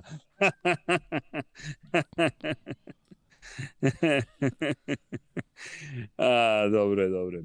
Deki, šta ti kažem, uvek zadovoljstvo pričati sa tobom. Baš mi je prijelo ovo. Od, ni, hvala, nismo se ispričali ovaj, hvala tebi. i, i, i rekao, znao sam. Znao sam, čekaj vidiš šta mi je Lukas ostavio. Jagode i viljušku. Neki živi i zdrav. Dobro, deki, hvala ti još jednom. Da, znam, hvala i meni. Dobro, hvala sam tebi, ću da kažem. Da, dobro. Ali poruka svima jeste, budite dobri, mazite se i pazite se, kliknite like, subscribe, share, patreon.com kroz Infinity Lighthouse. Ukoliko želite da budete obučeni ovako fenomenalno kao Dejan Potkonjak ili moja malenkost, sve možete naći na shop.infinitylighthouse.com taj, taj duks je baš dobar, ne, baš se sreće, taj, ja, taj, to specijalno japansko izdanje, nekako je zabavno, Suzuka moramo Dux. majice da napravimo. Suzuka Dux, to neki, to, ne znam da li smemo da koristimo taj naziv, ali ne saznaćemo. Ne naravno, ali smemo da izgovorim. e da, još jedna stvar, čekaj, da ne zaboravim, imamo, kažete, godišnjeg od Midraga Kotura, Kotur se sprema ozbiljno za novu sezonu, ali smem da kažem da počinjemo još neki projekte i sa Miju Kotorom, pa eto, stigo nam i od Leoparda. E, moram da ti se pohvalim da vidiš šta smo imali na kraju. Čekaj samo da nađem gde mi je. Gde je, gde je fotografija? Evo je fotografija, vidi, neki, neki, vidi ova dva vremešna gospodina. Gospodin Hasan Bratić i moja malenkost. Kotor nas je ubacio u knjigu godišnjak. Rekao, hvala mi, jo, hvala. Kaže on, moram da ubacim, kaže, moram da ubacim ove, najbo, ove najbolje na svetu. e sad, Bluetooth mi je oteo, ne, slušalice su i dalje tu. Dobro, ajmo lagano da se e, pozdravljamo. O, čekaj, čekaj da vidim. Jel se čujemo? Čujemo se odlično. A, dobro. Ne, nešto mi je upalo u... Nešto mi je... nešto se aktiviralo u mojim slušalicama. Odjednom sam počeo da čujem NASCAR. Ne, ozbiljno, ne znam da li vi čujete NASCAR. Ne. Ok, ovo je, ovo je baš Nije bizarno. Aha, dobro. Sad znam šta sam, kako sam kliknuo na sat, pustio je snimak na YouTube-u koji sam gledao na Naskara. E da, ima nova stvar, to juče nismo spomenuli, zabranjene, uvedene zabrana onog manevra za bijanje u zid i preticanja na taj način, rekli su nije bezbedno, tako da će biti da, da dodavana kazna vremenska u budućnosti. Pa eto. Pa sad više nije ni bitno. Inovat... Ne, ne verujem da bi, da, da. bi ovaj, neko da bi mogo tako, tako, pa ne, nego ne verujem da bi mogo neko tako jeftino da prođe. Mislim da da bi ga ovaj drugi sprečili, tako da to je jednom prošlo i to je to. Uh, Ali dobro, sad su, sad, su, sad su izvanično zabranili, tako da super. E, da, vidjet ćemo šta će sledeći smisliti vozači. Prilično sam siguran da će biti takođe vrlo hmm. inovativno. Pravilnik samo pokušava da, da isprati vozači njihovu maštu, ništa drugo. Ali zato ih toliko i volimo. Dobro, deki, želim ti lep ostatak dana. Ostaje naravno da pročitam Patreone, da ih sve pozdravim još jednom i da kažem pratite Lab 76-a i garažu. U sledeće nedelje ćete znati šta se to kuva u garaži, čime se to bave potkonjak i moja malenkost i Ko će nam se još pridružiti ili već se pridružio našem ludilu? Vi ste se svakako pridružili, želimo vam da toplu dobrodošlicu. Deki, uživaju ostatku dana. Naravno, moraš da sad da sačekaš da pročitamo sva imena, pa da se pozdravimo zvanično, ali evo, ako je Vanja spreman, pa da krenemo u akciju. Andrej Božo, Anonimus Donatorus, Stefan Lešnjak, Boris Golubar, Boris Erceg, Marko Petrekanović, Igor Vuković, Marko Kozić, Đorđe Milanović, Andrija Todorović, Darko Trajković, Aleksandar Jurić, Žarko Milić, Matija Binoto, Nikola Božinović, Vlada Ivanović, Bahter Abdurmanov, Ertan Prelić, Aleksa Valter Filip, Safet Isljami, Grgo Živaljić, Ognjen Marinković, Kristijan Šestak, Lazar Pejović, Salim Okanović, Nebojša Živanović, Alen Stojčić, Dušan Ristić, Nikola Grujičić, Nikola Milosavljević, Đole Čizhead, Branislav Kovačević, Igor Gašparević, Dušan Petrović, Luka Manitašević, Marko Horg, Optimistik Josh Allen Fan, Luka Martinović, Ivan Simeunović, Goš 46, Nikola Stojanović, Anonimus Donatorus, Ivan, Ivan Maksimović, Vukašin Jekić, Stefan Dulić, Bojan Markov, Stefan Vidić, Džigi Bao, Jasmina Pešić, Ivan Rečević, Luka Savović, Žorž, Đurđica Martinović, Miroslav Cvetić, Dimitrije Mišić, Dejan Đokić, Neđo Mališić, Aleksa Vučaj, Mlađan Antić, Aleksandar Antonović, Danijela Ilić, Nemanja, Boris Kujundžić, Mirina Živković, Marina Mihajlović, Miloš Banduka, Monika Erceg, Crnogorski džedaj Matej Sota, Borislav Jovanović, Mladen Krstić, Zoltan Mezej, Marko Mostarac, Sead Šantić, Predrag Simić, Savadugi, Vladimir Petković, Nenad Đorđević, Borko Božunović, Marko Bogavac, Vladimir Filipović, Alen Vuletić, Ivan Toškov, Branimir Kovačev, Marko Kostić, Mario Vidović, Emir Mešić, Jugoslav Krasnić, 352, Borislav Vukojević, Dušan Delić, Branko Bisački, Dejan Vojović, Ivan Milatović, Đole Bronkos, Josip Kovačić, Stefan Milošević, Tijana Vidanović, Mladen Tešić, Toni Ruščić, Andreja Branković, Stefan Vuletić, Bojan Majstorović, Miloš Vuletić, Šmele, klub štovatelja, Kovačević Omer, ne mogu da znam koga, Petar Relić, zatim Zoran Šalamun, Dorijan Kablar, pa Nenad Semić, Zoran Cimeša, Nemanja Zagorac, Jelena Veljković, da žena ne sazna, Ivan Ciger, Andreja Miladinović, Aleksandar Milosavljević, Igor Jankovski, Antonio Novak, Branimir Rijevec, Ferenc Lastofi, Mihajlo Krgović, Milan Nešković, Đorđe Đukić, Aleksa Lilić, Miloš Radosaljević, LFC, Marin Antunović, Jasenko Samrđić, Jelena Jeremić, Matija Rajić,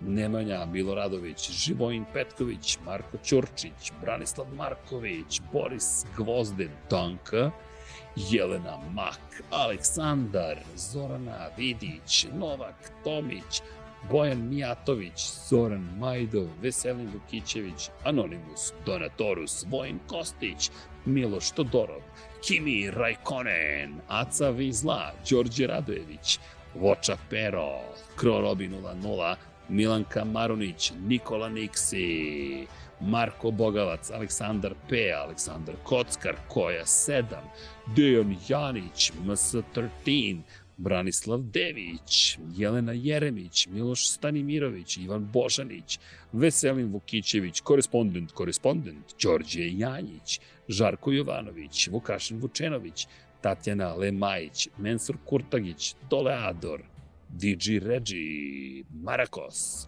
Nikola Grđan, Zlatko Marić, Bojan Gitarić, Ivan Vojasinović, Toni Soni 76, Nikola Vulović, Sejdo Mujčić, Drago Veković, Maksi, Anonimus Donatorus, Vlada Ivanović, Marko Stojilković, Vladan Đurić, Igor Ilić, Bojan Markov, Milan Bačić, Marina, Ivan Vincetić, Igor Ninić, Din Stero, Hrvoje, Ivan Hornjak, Nikola Božović, Kosta Berić, Miloš Zed, LFC, Saša Stevanović, Ivan Magdelinić, Vuk, Pavle Lukić, Resničanin, Uroš Čuturilo, Nemanja Cimbaljević, Bakadu, Uroš Ćosić, Nemanja, Bojan Pejković, Oliver Nikolić, Milorad Reljić, Nemanja Bračko, Almedin Ahmetović, Almir Vuk, Ivana Vesković, Petar Bjelić, Nikola Kojić,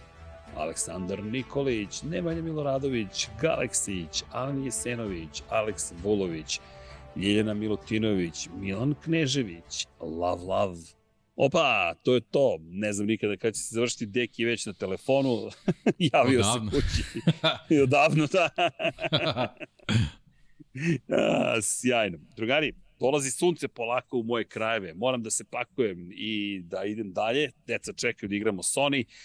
I ja vam sve pozdravljam, ljubim i volim, šaljem vam milion pozdrava, budite dobri, mazite se i pazite se, neke lepe stvari radite i sve najlepše od cele ekipe Infinity Lighthouse i Lab 76. Deki, hoćemo da se, da pokušamo da se pozdravimo, kao da, da citiram, pokušamo da se sinhronizujemo. Ali, Ulo, čekaj, ajde probamo ovako. Ja, ajde ja kažem jedan, a ti ponoviš da vidimo koliko to kasni. Jedan.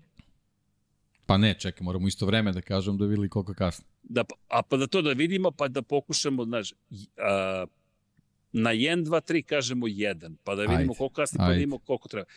1, 2, 3, 1. 1. Mhm. Dakle, ja bi trebalo kaže da, da sačekam. Kaže, kaže Vanja Kako? da ti samo kasno čuješ. Aha, ali misliš, ali, ajde Vanja, ti reci dalje u isto vreme. Na 1, 2, 3 kažemo 1. 1, 2, 3, 1. 1.